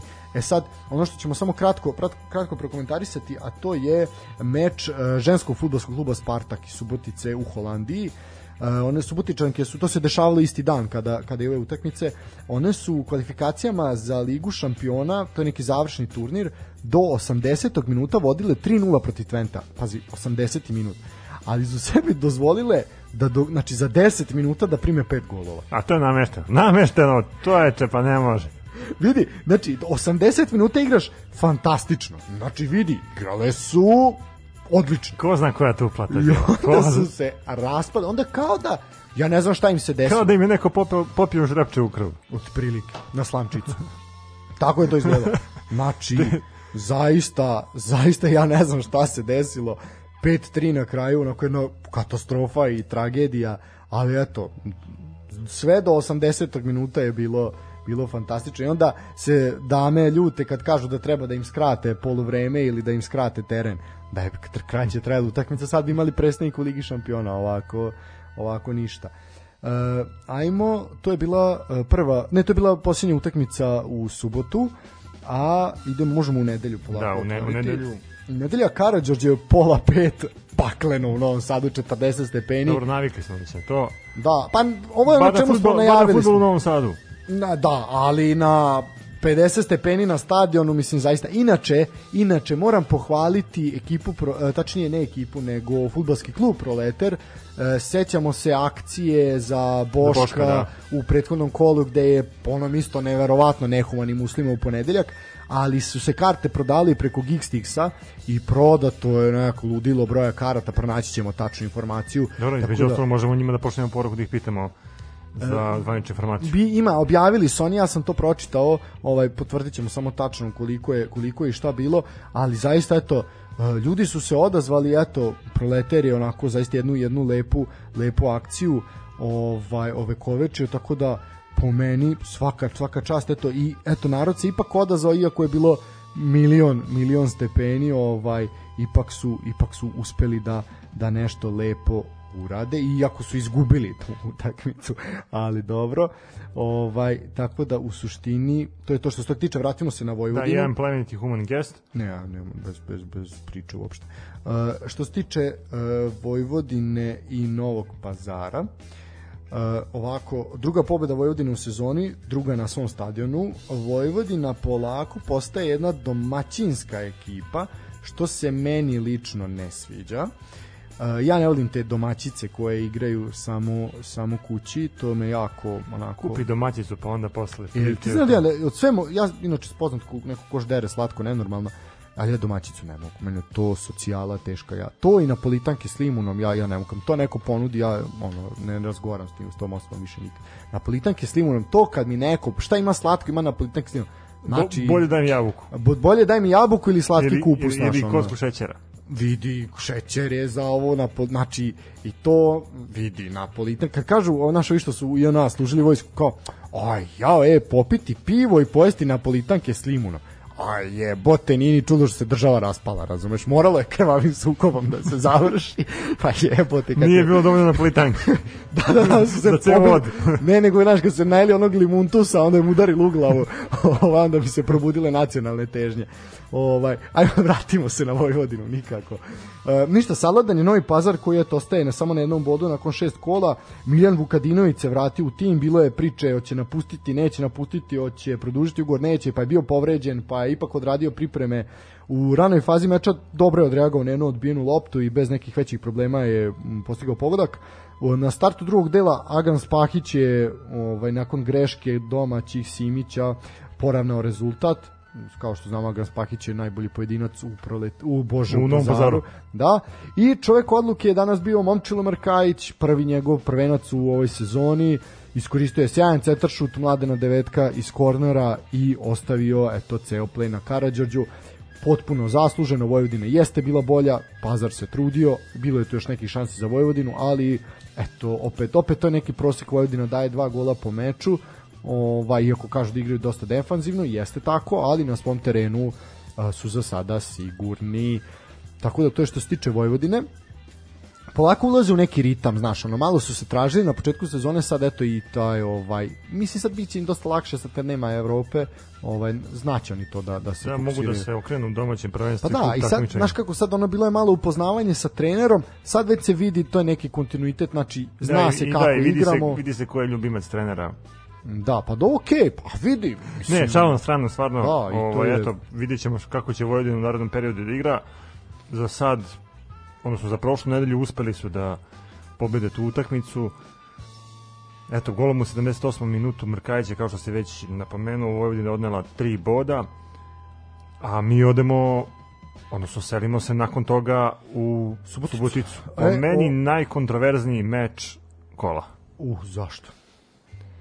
Pa, Aj, bil, sad, dobro, sad si me, sad si me bacio. Dobro, bilo- A misliš zbog ovog izvlačenja linije? pa i to i između A, ostalog e, dobro, doći ćemo bilo do je nekih, da kažem, situacija Spartak je krenuo da vodi, pa je napredak stizao poprilično nekako napeta situacija, ali eto, ajde. Evo, dobio sam, izvini, dobio sam za proleter uh, podatak, znači ovako, znači uprko stoji, kažem, visokoj uh, temperaturi i radnom danu, u prostorijama Geekstixa prodato je 834 karte, dok je na samom stadionu prodato ste 196 karata. I eto sva novčana sredstva su uplaćena za, za Boška. Kao što znamo to je neka vest koju sam ja posljednjem vidu Boško je jeste otputovao za Budimpeštu. Ostali su još neki troškovi za lečenje ali u suštini glavnica para je skupljena. Tako da eto. Ja, vidiš, na primjer, ja sam dobio neki drugi podatak koji? da nije ipak otišao, da je to bila dezinformacija, da se još uvijek traga za, za novcem i da se prikuplja. Ja, pa ja se onda izvinjam, ja sam tako Ne, video. ali opet sad, kažem ti, znači možda si ti u pravu, možda sam ja u pravu. Da. Ne, ne možemo sa tvrdnjom da Ne, okej, aj sad tu, tu ne vidimo da li je stvarno došlo do toga. Da, ali ovo što ali se- eto, kad gledamo samo tu sportsku stranu, Ne, ovo akcija, pričam Da, akcija proletera, ovo svaka čast. Znači, to je to, ko sabere koliko je 834 i 196, možda osvojimo Hanđija. Prvi koji pošalje poruku, znači koliko je to para skupljeno i kako se zove čovjek koji prodaje karte na blagajni, možete, možete osvojiti knjigu. No, ajmo... da kaže kupio sam preko Geekstixa online. pa dobro, vidi, vidi, to je trik, trik pitanje.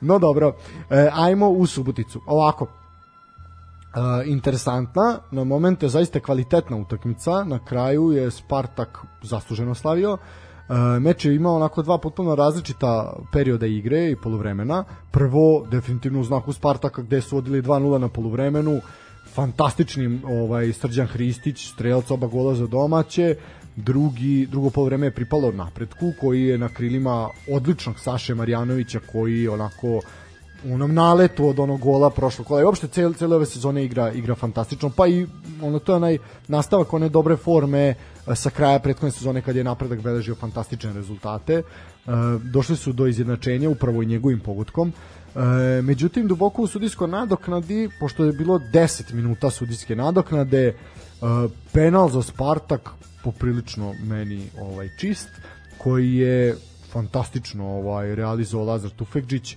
koji je imao nekoliko odličnih ovaj dodavanja i te asistencije za Kristića su bile perfektne. On se nekako postavlja u Spartaku kao osoba koja je mirna i koja je u stanju da svaki penal izvede kako treba i da postigne Da. gol.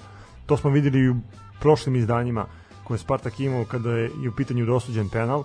Nekako ljudi su počeli da ga poistovećuju sa Nathom, baš zbog izvođenja tih penala. ali i zbog pasova. Znači i pregled i pas igra zaista na jako visokom visokom nivou. E sad, ovaj, eto, Spartak je odneo tri boda, Tačnije, ostalo su ostalo kući, su da. kući, da. E sad ta, ta priča oko vara. Uh, sad ajde ovako. Jedna dobra stvar je da sada oni koji gledaju preko TV-a se pojavi u uglu da je trenutno var provera. Što je, ajde, ono kao milimetar smo se pomakli u napred. Blinka nešto. Blinka, da. Mislim, pojavi, se trenutno u toku je VAR provera. E sad, ono što nije dobro, VAR provera ovde trajala 7 minuta. Znači, ludilo mozga.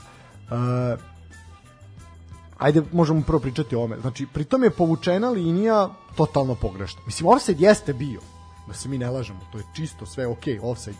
Ali ono što je, pardon, prikazano, nije dobro prikazano, linija nije dobro izvučena. Jeste odluka bila na kraju dobra, ali unosi i ovako nas čekaš 7 minuta, ovi cupkaju na terenu, ne znaju šta će i ti se nerviraš koji gledaš, jel kao posmatrač i onda kao našo ti izbaci na, na, na ono na, iz aviona se vidi koji ono Air Srbije koji slabo lete da, da nije dobro izvučena linija i to je ona priča koju sam ja imao kad sam radio sam tu kad sam gledao Kolubaru gde su Đeniću poništili apsolutno čist pogled gde nije bilo priča o offside e, za sada znači imamo kikseve, loše odluke. Uh, evo sada, ok, ovo jeste bila dobra odluka, ali uneta pometnja jer nije dobro pre prezentirano. Ali imali smo kiks, imali smo toga da nije radio na nekim stadionima. Imaš od toga da se proverava, da ne znaš šta se proverava. Uh, definitivno su podeljena mišljenja. S jedne strane jeste poštenije, kao što rekao, ispravljaju se neke greške, potvrđuju se dobre odluke sudija, vidi se da su sudije rasterećenije i samim tim manje greše, jer znaju da neko tamo posmatra i da gleda i da kao, e, da će ga signalizirati, e, znaš šta, stani, i opet naš, nije toliki pritisak na njima, ali s ove druge strane, znači, ubijena je svaka draž i svaki moment proslave gola, jer se svaki gol proverava. Da. I ti sad imaš ovo Znaš, ti, ti, ti daš gol i ne možeš da se raduješ, nego čekaš 7 minuta da ti sudija potvrdi da li je gol ili nije. Ma da, pritom ovaj dečko dao prvenac, razumeš, ono tamo se radi u grle, ljube se i onda čekaju ono 10 minuta da mu da mu ovaj neko neko ovaj kaže da li jeste ili nije, mislim to je zaista, a pritom da ne pričamo o navijačima. E, Eto, na primjer, Saša Marjanović je emotivno proslavio izjednačujući gol, ali onda da eto čekao 10 minuta da VAR verifikuje da li je bio gol, nije bio gol. Mislim, zaista kad ti stigne potvrda više to nije to, ali ajde. Mogli su da nam pošalju SMS tad. Pa mislim ono, Da, da, da slačionice, pogleda poruku i vrati se. ne znam, za sada je jako puno to, jako ovaj, neštima, ali ajde sad ide reprezentativna pauza ovaj, nakon ovog kola, pa možda tu sad malo, znaš, se oni još usklade, definitivno postoji pomak, ali ajde sad i puno utakmica, razumeš, u kratkom vremenskom periodu, sve to poprilično naporno, ovaj teško za neku za neki pomak, ali ajde kao nadamo se da će to biti kako za sad je onako 50-50, po meni je 50-50. Lakrdija s jedne strane, s druge strane opet kažem rasterećenje, ali ajde vidjet ćemo. E, jedan lep jubilej svakako, a jubilej za igrača Spartaka Milana Marčića, Stoti nastup. stoti nastup da od jula 2018. godine brani boje Spartaka i eto u nedelju je pisao stoti nastup e, svakako zaslužuje iskorak u karijeri ali eto dok ne dođe ona prava inostrana ponuda odlični 25-godišnji vezni Da, fudbaler kao će i što već ide u takvim jatu. situacijama, futbalski klub je njemu uručio prigodnu Da, nagradu, prigodnu nagradu. dres sa brojem 100, i lepo, lepo od kluba, lepo i mislim i naravno mi mu želimo i da ostavi dublji trag u Spartaku, a i da uskoro se naravno i finansijski finansijski obezbedi imamo još jednu utakmicu u nedelju, pa ćemo onda ići na kratku pauzu. To je bilo od, Da, od 21, 21 čas, čas. u Lazarevcu. E, ti si bio ovaj, na Lazarevačkoj lepotici, kako ti je to delovalo? E, ja mogu da ti kažem, ja sam oduševljen ovom utakmicom. U svakom smislu, mislim da u poslednjih pet godina kad je u pitanju srpski futbal nisam gledao tako dobru utakmicu. Nekako ceo taj ambijent mi je bio veoma prijetan. E, prvo moram da pohvalim stvarno organizatora, odnosno futbolski klub Kolubara. Stvarno su nekako to učinili da, da to deluje jako dobro iz ugla nekog ko, ko prati futbal. Eto, imali su priliku da, da ugoste Partizan. Prvo kao tim izašli su u najjačem sastavu, e, uspeli su koliko toliko da, da pariraju Partizanu. Na kraju, eto, to ih je koštalo samo četiri primljena gola, ali bože moj, eto, važno je da su se junački borili, da su pokušavali da, da se nadigravaju s Partizanom. Eto, Partizan je u tom trenutku stvarno pokazao da je za klasu bolji, možda čak i četiri, koliko je na, na kraju i bio rezultat 4-0 u korist uh, crno-belih. Pa ne bi ja baš rekao da je za četiri, ali dobro. Pa na, ajde, dobro, ajde. Da, možda sam možda sam preterao da. ovom izjavom, ali svakako je Partizan zasluženo odneo tri boda iz Lazarevca. S tim Uh, da ja, se mora reći da je bilo uh, rotiranog sastava. Da, da. Ovaj, ono što meni još uvek uh, pod utiskom i ja sada da najviše danas o tome je taj marketing koji je futbolski klub Kolubara jako dobro uradio. Ajde, prvo da, da samo iskomentarišem da je Partizan kažnjen sa četiri utakmice Da, to nismo rekli, da. gostujućih navijači ne mogu da, da prisustvuju I 200.000, ali tako? tako je, da. Znači četiri utakmice bez uh, gostujućih navijača. Tako je, Bez ne mogu da- gostujućih navijača. Da. Uh, i 200.000, a Novi Pazar je kažen uh, uopšte mislim dok oni su dobro oni su i Oni igraju četiri utakmice bez publike. bez publike na svom terenu, ali pre, rekli smo da je na sednici upravnog odbora rečeno da klub neće voditi navijače više do Da, kraja sezone. A eto, znači, a vidi, sad je to mali problemčić za Novi Pazar, jel tebi u naredna četiri kola goste Crvena zvezda Pa u da. Pazaru. Tako Ili je to ono možda smišljeno rad, rađeno, ali nećemo Ali to da se, smo da će to tako biti, mislim, to je bilo da se ja vratim na Lazarevac. Stvarno pohvale za, za Kolubaru. Jako dobro rade po principu marketinga. Stadion je bio pun. Um, ono što meni stvarno im nekako delovalo impozantno je to što je ceo stadion bio u, u bojama Kolubare. Vidjeli smo ljude koji nose šalove, koji nose Da, da. dresove kluba, pružali su podršku svom timu, um, nisu vređali gostujuće igrače. Da, tu sasvim onako jedna porodična, je, da, i porodična stvarno jedna odlična futbolska predstava. da. E, kaži mi, ovaj, teo sam te pitan, da li si primetio, da li Kolubara ima fan shop? Mislim da nema. A odakle možda, im onda... možda online, uh, možda su to bili uh, de, odnosno bila deca bilo je dece koje, koje treniraju u Kolubari, Da, da, mlađi. pa su verovatno, ne znam, treneri ih postakli da, da nose obeležja svog kluba. Nisam stvarno to ispratio da, da li imaju Znaš, ja k- kad smo bili u, Ovaj, u Senti, shop. onda smo videli da imaju i da je on poprilično zanimljiv ovaj, i sasvim onako korektan. Ovaj, zato me zanima zato što si ovo spomenuo i moram priznati da mi se jako sviđa, sviđaju dresovi Kolubare, jako lepo izgledaju i uopšte mislim te da- da- da trening se te- oprema i sve, da, da, jako neka, ja mislim da sad ovaj, proverit ćemo Seven se valjda zove Da, da, jeste, jeste, jeste, dobro si rekao. da Marka, Ovaj, koja je ove godine radila dresove Kolubara Da, jako, jako lepo izgledaju s tim oktagon betom, lepo, lepo je to sve čučnulo.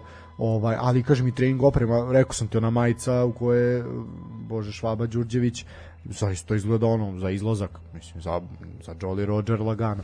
Ovaj, kako ko? da. E sad, e, neko može na svadbu da, da, pa što se tiče prvog poluvremena ove utakmice, Partizan je, kao što smo rekli, izašao u rotiranom sastavu, ali eto i ko, takav sa pola snage stigao je do dva gola razlike. E, tok utakmice usmerila je svakako kardinalna greška golmana domaćih Stani Vukovića koja je prethodila prvom golu.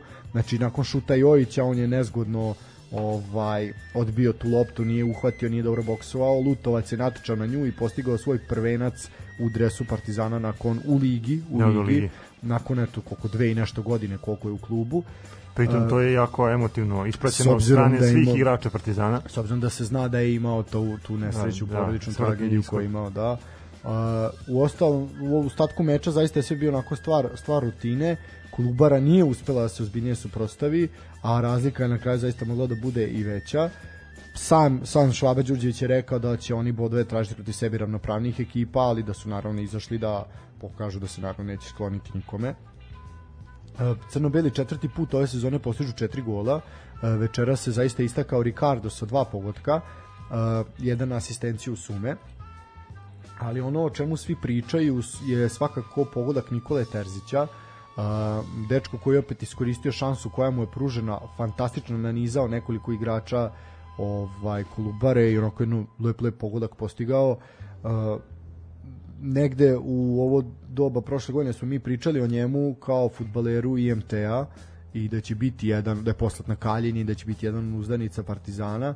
I eto to se zaista pokazalo. Dečko je svaku šansu koju je dobio iskoristio i mi mu želimo da tako, tako nastavi. Ovaj, ono što je svakako dobro e, Partizan je uigravao neke igrače za Santa Claru a to je Ivan Obradović pa smo videli konačno i u igri Jovića posle povrede, što je opet dobro, mada sad pitanje je koliko će Jović dobiti prostora, zato što imate tu i Terzića. Holender je opet ušao pred kraj, opet da tu Opet malo... nekako mi se čini da Hollander nema sreću. Da. Ulazi u neke šanse, nešto, nešto ima Fali bar kod njega, fali, mu, fali mu, da. Ali, Ali to- primjer, zato je Ricardo bio raspoložen. To sam video, na, mogu samo da ispričam. Da. Video sam na zagrevanju da je Ricardo željan golova. Znate, kad prepoznate tu želju kod napadača, ja sam bio ubeđen da će on postići gol, na kraju je postigao dva. Opet jedan na, na suminu asistenciju gde je samo loptu smestio u mrežu, ali eto, da u drugi pogodak je bio mnogo bolji, gde on sam istrčao ispred golmana i to realizovao sve u svemu Partizan je sad trenutno tako lider na, na tabeli Da.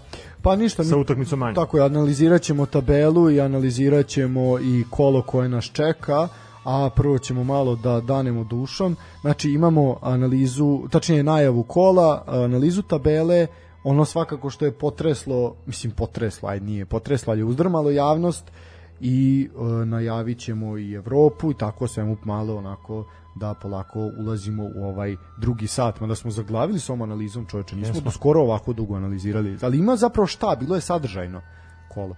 Ništa, ajmo na muzičku Ajmo na pauzu, ajmo na pauzu.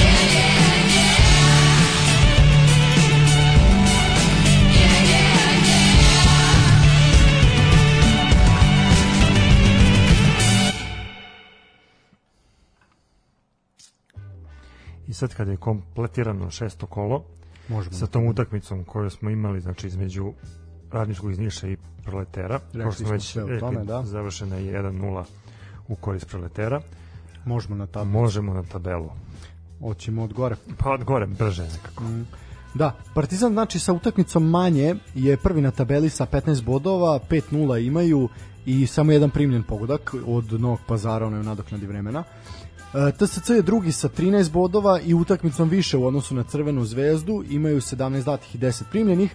Crvena zvezda, kao što sam rekao, treća sa istim brojem bodova, gol razlikom 8-2. Čukarički je četvrti sa 10 bodova, Radnik, Napredak i Voždovac imaju po 9 i oni su peti, šesti i sedmi. Vojvodina je poslednja iznad linije play-offa sa 8 bodova i utakmicom manje u odnosu na Spartak i Suboticu koji ima isti broj bodova, ali utakmicu više. Radnički iz Kragujevca i Kolubara imaju po 7 bodova, oni su 10. i 11. Radnički iz Niša je 12. sa 6. Metalac i Proletar su 13. i 14. sa po 4 boda. Novi Pazar ima jedan jedini bod na 15. mestu i Mladost iz Lučana je još uvek ekipa koja nema bodova, ima samo dva postignuta gola i osam primljenih. To je tabela. Što se tiče rasporeda i termina odigravanja, Utakmice se već kolo, igraju da, u petak. naredne nedelje. Da, pa već Odnosno sta- već ove nedelje. Tako je. E, igra se znači u aj prvo da najavimo Evropu, možda je to pametnije. Znači imamo e, utorak ove, to smo pričali, to sad nam nije toliko bitno. Imamo znači ovako Crvena zvezda će igrati u četvrtak od 20:30 u Rumuniji a Partizan će od 21 čas u Beogradu igrati protiv Santa Klare. To je što se tiče naših predstavnika u Evropi. Što se tiče lige e, naše, sedmo kolo počinje u petak i otvara ga duel u Senti, još uvek. E, TSC Bačka Topola protiv Mladosti iz Lučana. Kec kao vrat pa da nema ovde šta dalje da se polemiše. Uh, to je jedini meč, znači 18 časova u petak. U subotu imamo dve utakmice od 17 i od 20 časova. Od 17 duel uh, radnika iz Surdulice i Spartaka iz Subotice. E, ovo će biti zanimljivo. Zanimljivo, da, da. I imamo Uroša Milovanovića s jedne strane koji je izuzetno raspoložen i Lazara Tufekđića sa druge gde bih ja možda malu prednost dao Spartaku, ali ovde očekujem dobar futbol sa mnogo golova i onako lepih poteza. Nadam se da neće biti previše pakleno. Spartaku i to neku minimalnu Da, da, realno mislim da Spartak neće biti poražen, ali eto x2 uz neke postignute golove s obe strane, eto neki predlog. E, od 20 časova u Novom pazaru, Novi pazar Metalac. E sad ovde konačno očekujem da Metalac uzme neke bodove ozbiljnije. Novi pazar vidjet ćemo koliko može, pogotovo pred praznim tribinama, znamo koliko njima tribine te znače. Vidjet ćemo, vidjet ćemo, ćemo vidjeti Stuparevića u odmahu u ekipi, trebalo bi, ali ajde.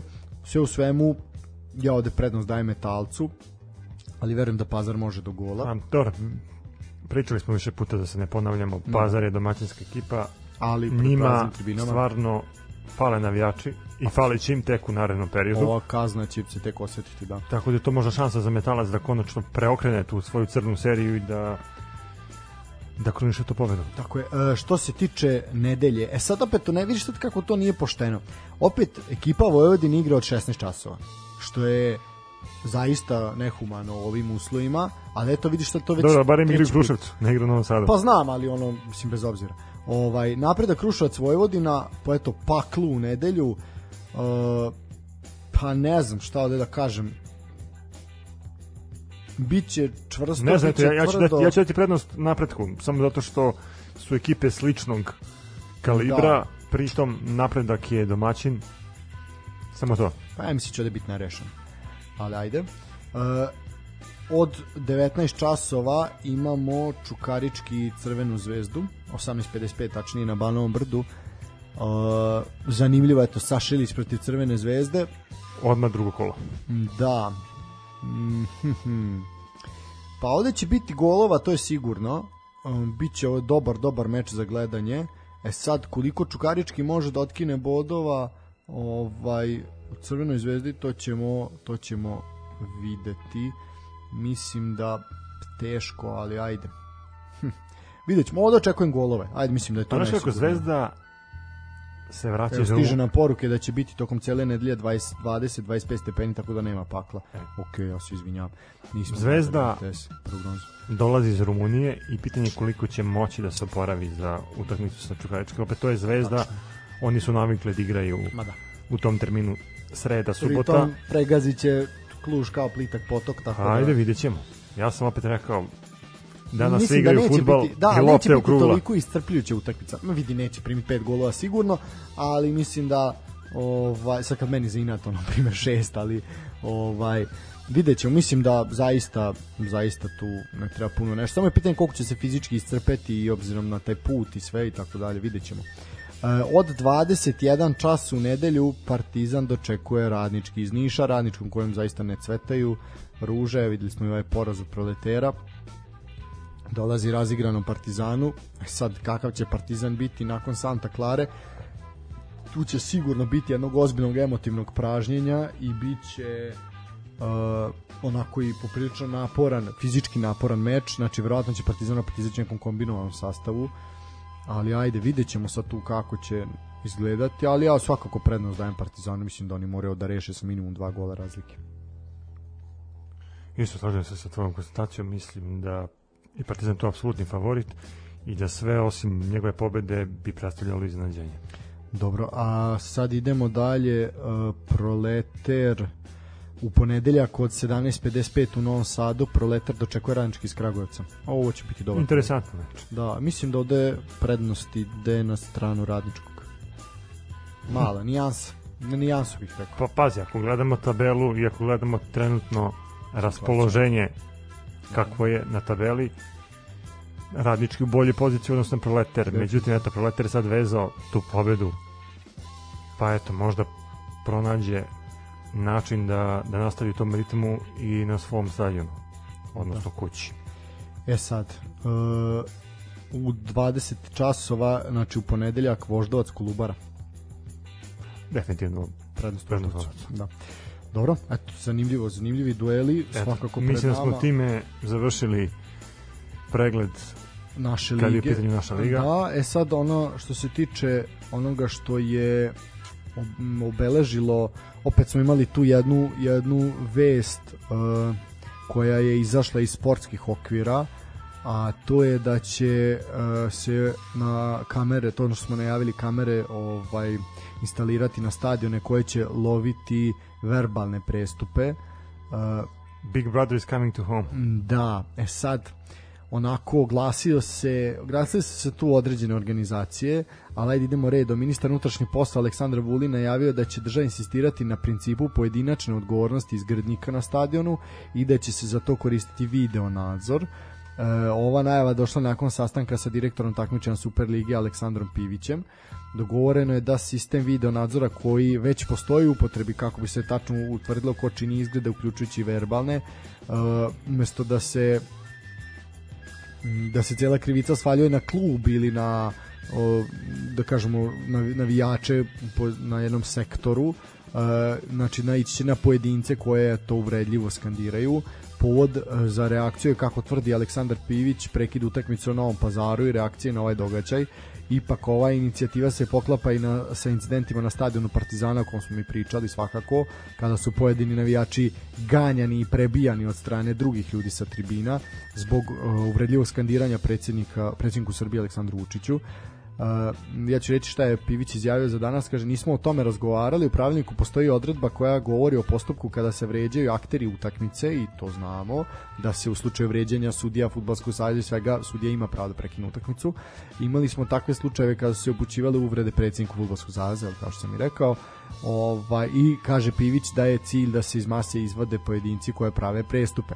E sad, oglasio se Mirko Poledica, to je predsjednik sindikata profesionalnih futbalera, tvrdi da je ovim sastankom zapravo načinjena velika šteta srpskom futbalu. Kaže, radi se o školskom primjeru mešanja politike u sport, što je strogo zabranjeno propisima FIFA i UEFA. Propisi Futbolskog saveza Srbije uređuju e, šta se radi kada su pitanja kada su u pitanju događanja na stadionu i ne znamo ko je samo sekundu, ja se izvinjam. Ne znamo ko Vulinu daje za pravo da se time bavi. Uh, sve što je postigao ovim izjavama, to je da će se UEFA i FIFA ponovo baviti srpskim futbalom, a ne treba ni sumnjati da ova informacija već stigla do njih. Uh, Poledica ističe da je u pitanju zamazivanje očiju jer se kamere će se vratno koristiti ako se bude skandiralo protiv političkih interesa e, ministra Vulina. Dosetili su se borbe protiv nasilja na stadionu tek kada su shvatili da više ne mogu da spreče narod da skandira protiv Vučića. On ističe da bi Vulinu bilo bolje da ispita zašto je 50% utakmica u srpskom fudbalu u prošloj sezoni bilo namešteno jer to spada u njegovu nadležnost. E ja ću pre nego što mi počnemo da komentarišemo ovo pročitati samo još izjavu antropologa Ivana Đorđevića koji se bavi pitanjem navijača u Srbiji. E, I on smatra da je inicijativa ministra Vulina političkog marketinga on je rekao bio da bi bio oduševljen kada bi se procesuiralo ko širi mržnju, ali sumnjam da je to u pitanju, vjerojatno se radi o nekoj vrsti pokazne vežbe onima koji skandiraju Vučiću, da im se pokaže država ima kamere i da mogu biti snimljeni.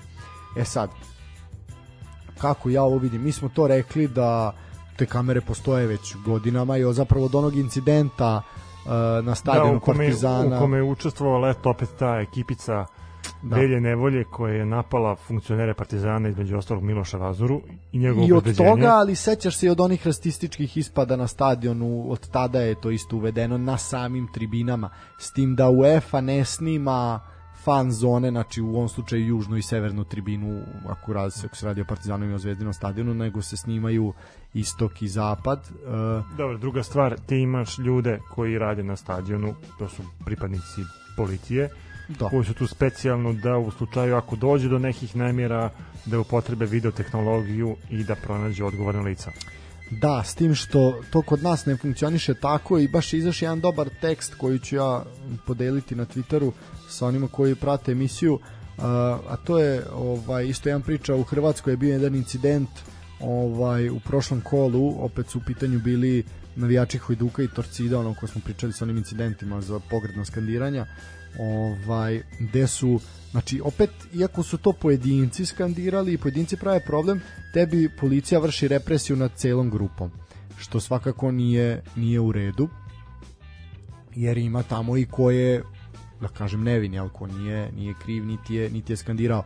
Isto tako smo imali na stadionu Partizana da su po nosu dobili oni koji nisu, nisu skandirali, koji su tamo došli da bodri klub. Uh, da li će se ovaj sistem koristiti uh, za to zašto se kaže, ja mislim da ne, uh, nego da će biti opet iskorišten. Možda, mislim da se ovo više koristi kada se zaplaše oni koji trenutno skandiraju protiv protiv Mislim da su manipulativne metode. Apsolutno. Ja mislim da je ovo, jer ove kamere, kao što mi vrlo dobro znamo, postoje, a ja ti mogu Ma, reći... Pazi, sve se zna u ovoj državi.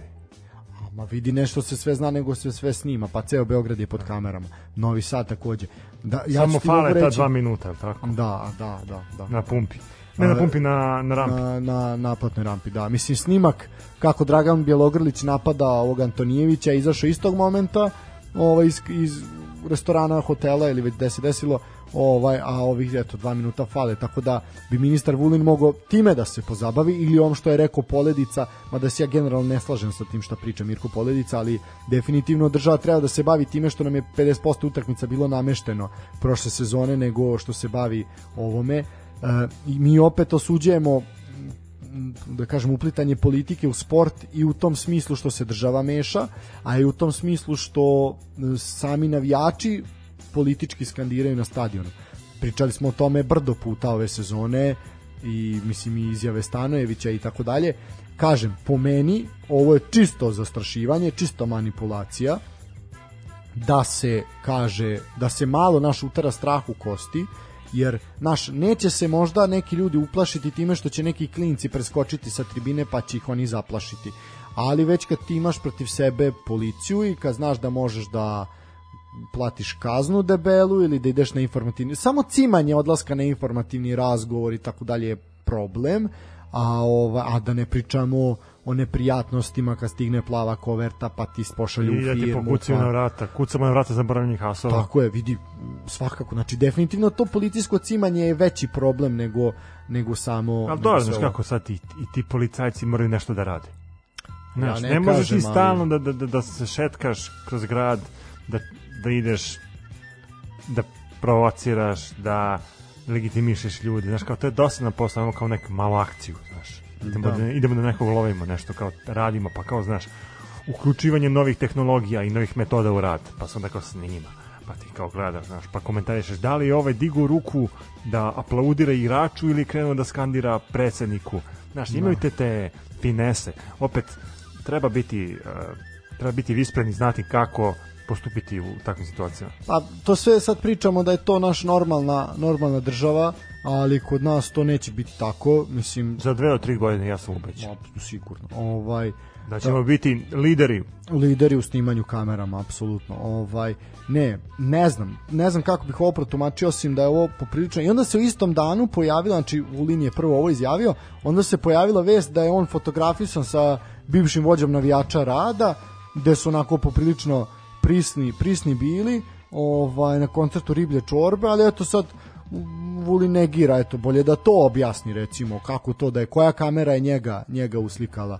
Ovaj, tako da, naš, ima tu popriličnih problema u svemu ovome i onda, da li je sad sam, možda, vidi, može biti da je, da, A možda igraju futbol zajedno. možda da, ali ja mislim da je samo ovo malo da se ipak uvlačenje Vučiću tamo gde sunce ne sija, ovaj, Ne, znaš kako, shvatili smo vremenom da je izgleda Vulin glavni potparol Srpske napredne stranke. pa on govori ono što Vučić misli. I da. Vučića, i Vučić između ostalog. Da, da, definitivno. On govori ono što ovaj misli. E sad, uh, kažem, vidi, u Futogu, u hali, ima video nadzor na tribinama koji može da incidente snimi i poprilično ovaj pro, znači u popriličnom kvalitetu prosledi policije. Znači ne možeš mi reći da u stadionu a znamo da ima, mislim vrlo dobro znamo i sećamo se te priče. Tako da, naš, ovo mislim da je samo opet kažem onako mazanje, mazanje očiju, a imali smo jedan incident u Francuskoj upravo sinoć, ovaj da i sad mene zanima kako će to na primjer dr- država Francuska koja je jedna ozbiljna država sa ozbiljnom sistemima, institucijama kako će oni takvu neku situaciju rešiti. Mislim, pretpostavljam da svi znate ko nije sinoć zaspao na vreme, da je video da je e, u 75. minutu recimo ovaj prekinuta utakmica između Marseja i Nice gde su onako prvo celu utakmicu su igrači Nice pravili e, navijači Nice pardon pravili sranja provocirali, gađali, bacali i tako dalje. I Dimitri Paje je pogođen uh, prilikom izvođenja kornera. Uh, pogodili su ga u leđa i onda je on uzeo tu flašicu i vratio na tribinu već izrevoltiran, ali to traje 75 minuta. Ovaj, I onda je usledio ulazak domaćih navijača na teren koji su se stropoštali niz teren i krenuli da se obračunao jedan kolektivan sukob, po principu ono udri najbližeg svog svako na svakoga. Uh, epilog je bio prekid utakmice, pauza od sat vremena. Uh, neki igrači Marseja su dobili poprilične batine, ovaj ožiljci, znači onako poprilično poprilično su izašli oštećeni. Uh, dolazimo da do te situacije znači prekilje igrači neće da izađu na na teren igrači Nice su izašli uh, i donela je donešena je odluka sudija je nakon sat vremena ponovio izvođenje kornera ovi se nisu pojavili na terenu i registrovano je 3-0 da na za korist Jelnice e sad eto uh, ta odluka da da ovaj dolazimo do jednog pa da kažem paradoksa.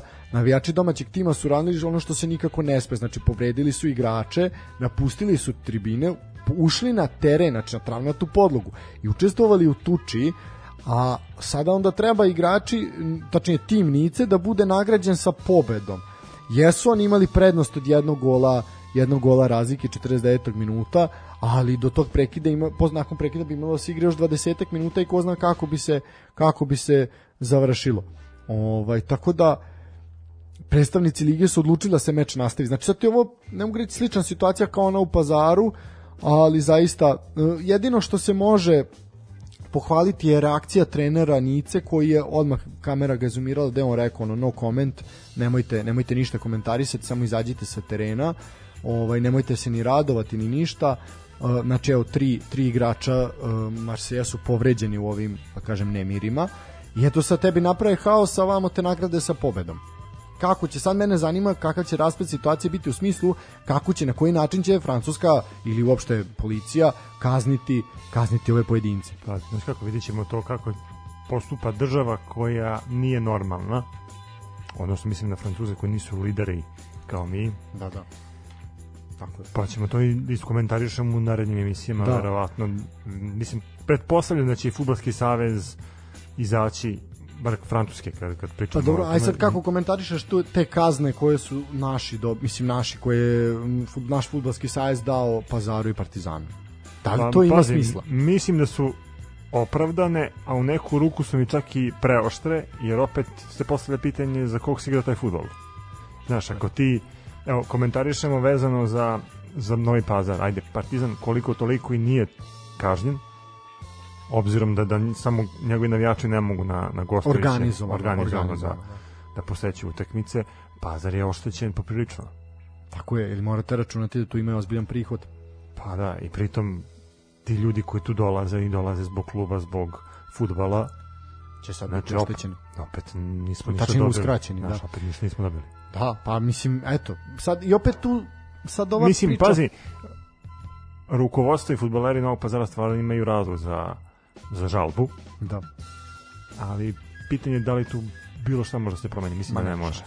Ovaj, e sad ajde s ovim nekim težim temama. Vidjet ćemo, kažem, mene svaka, svaka odluka plaši, mene ministar Vulin kao ministar o, policije plaši. da, A, realno. vojski da se ranije kad je Vojske bio... i nekako, ali u, u policije i, poprilično, jer je policija je mnogo represivnija sila u ovoj državi od vojske.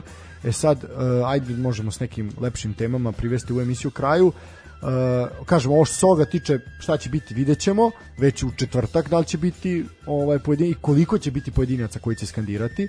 E, što se tiče nekih lepših i vedrih tema sa kojima ćemo privesti emisiju kraju, pošto već 9 i 10, uh, Kupek ide posle nas trebalo bi uskoro da završamo.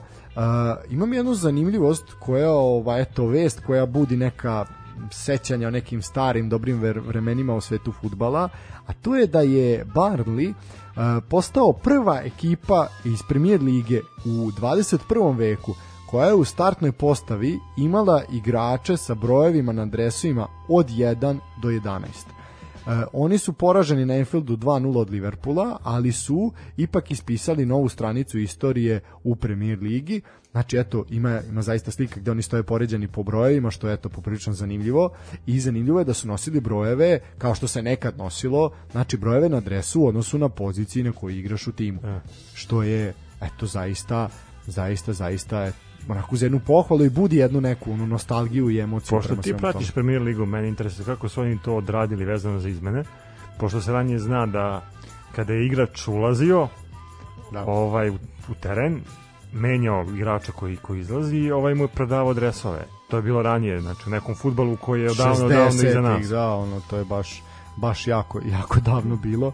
Ovaj, Ili su samo primenjeni taj model da, da igrač koji je bio na terenu izađe, uđe novi. Pa i ne, vidi, to su, oni su to Klasična tako, izmena, klasične, oni su to tako počeli, ali evo reći ću ti da ljudi koji su ušli, ovaj su ušli sa brojevima 23, 19, time ne znam šta, znači, ja sad ću pročitat brojeve koji su bili na, na ovaj, na klupi 26, 22, 39, 13, 25, 23, 38, 19, 37.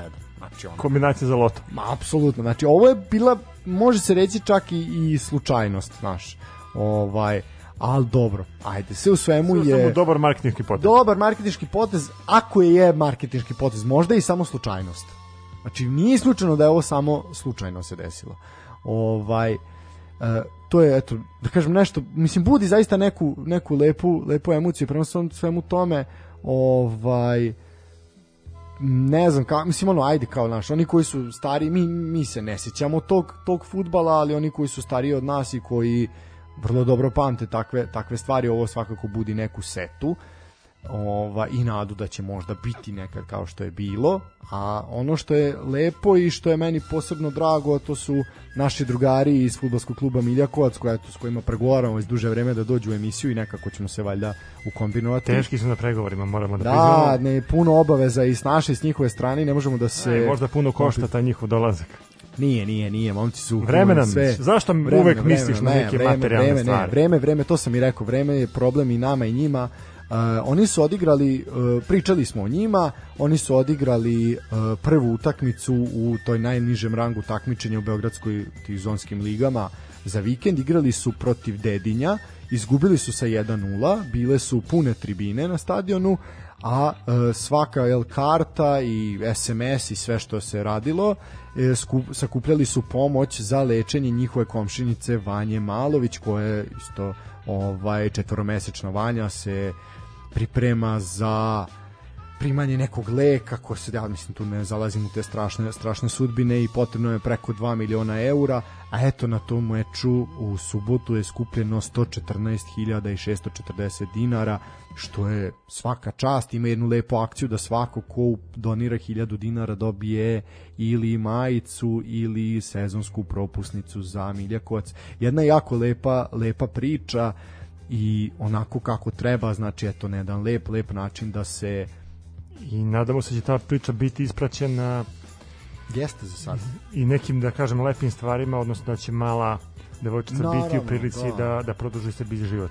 Tako je, ali isprećeno je za sad medijski dosta, što me raduje i onako, nadam se da će ova priča ono biti, da će to biti grudva koja će pokrenuti lavinu, znaš, da, da i drugi da i drugi to rade. Eto, imamo Proletar koji je klub na ozbiljnijem rangu takmičenja u odnosu na Miljakovac, ovaj koji je isto to radio, pa i ne samo Proletar. Imali smo i Vojvodinu koja je trajala meču protiv Laska, znači gde ti je bio pun stadion pa si dao deo karata za za ovaj U humanitarne u svrhe. humanitarne svrhe, tako je. Tako da mislim da je ovo dobro, nažalost je tuga što se deca leče preko poruka, što se deca leče preko i ne samo deca, nego i odrasli. Što ne postoji jedan zdravstveni sistem koji bi to regulisao. Tako je, nego ovo ide samo eto na, na odgo, nekako odgovornost i želju pojedinca i uopšte zašto nam se svi sistemi u državi oslanjaju na odgovornost pojedinca, ali eto, ovakvi primeri pokazuju da ima solidarnih ljudi, da ima ljudi koji brinu o drugima, o svom komšiluku, o svojoj lokalnoj zajednici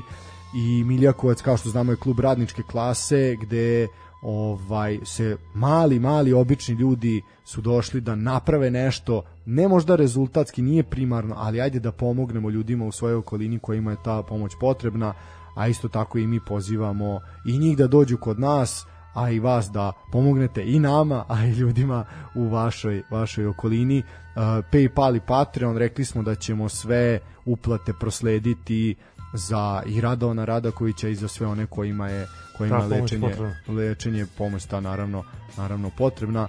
Uh, što se mene tiče, ja vas pozivam laku noć, Stefane, imaš reč. Pa ništa, to bi bilo to kao i, i svakog puta ja odjavljujem emisiju. Hvala vam na slušanju, do sledećeg susreta, sportski pozdrav.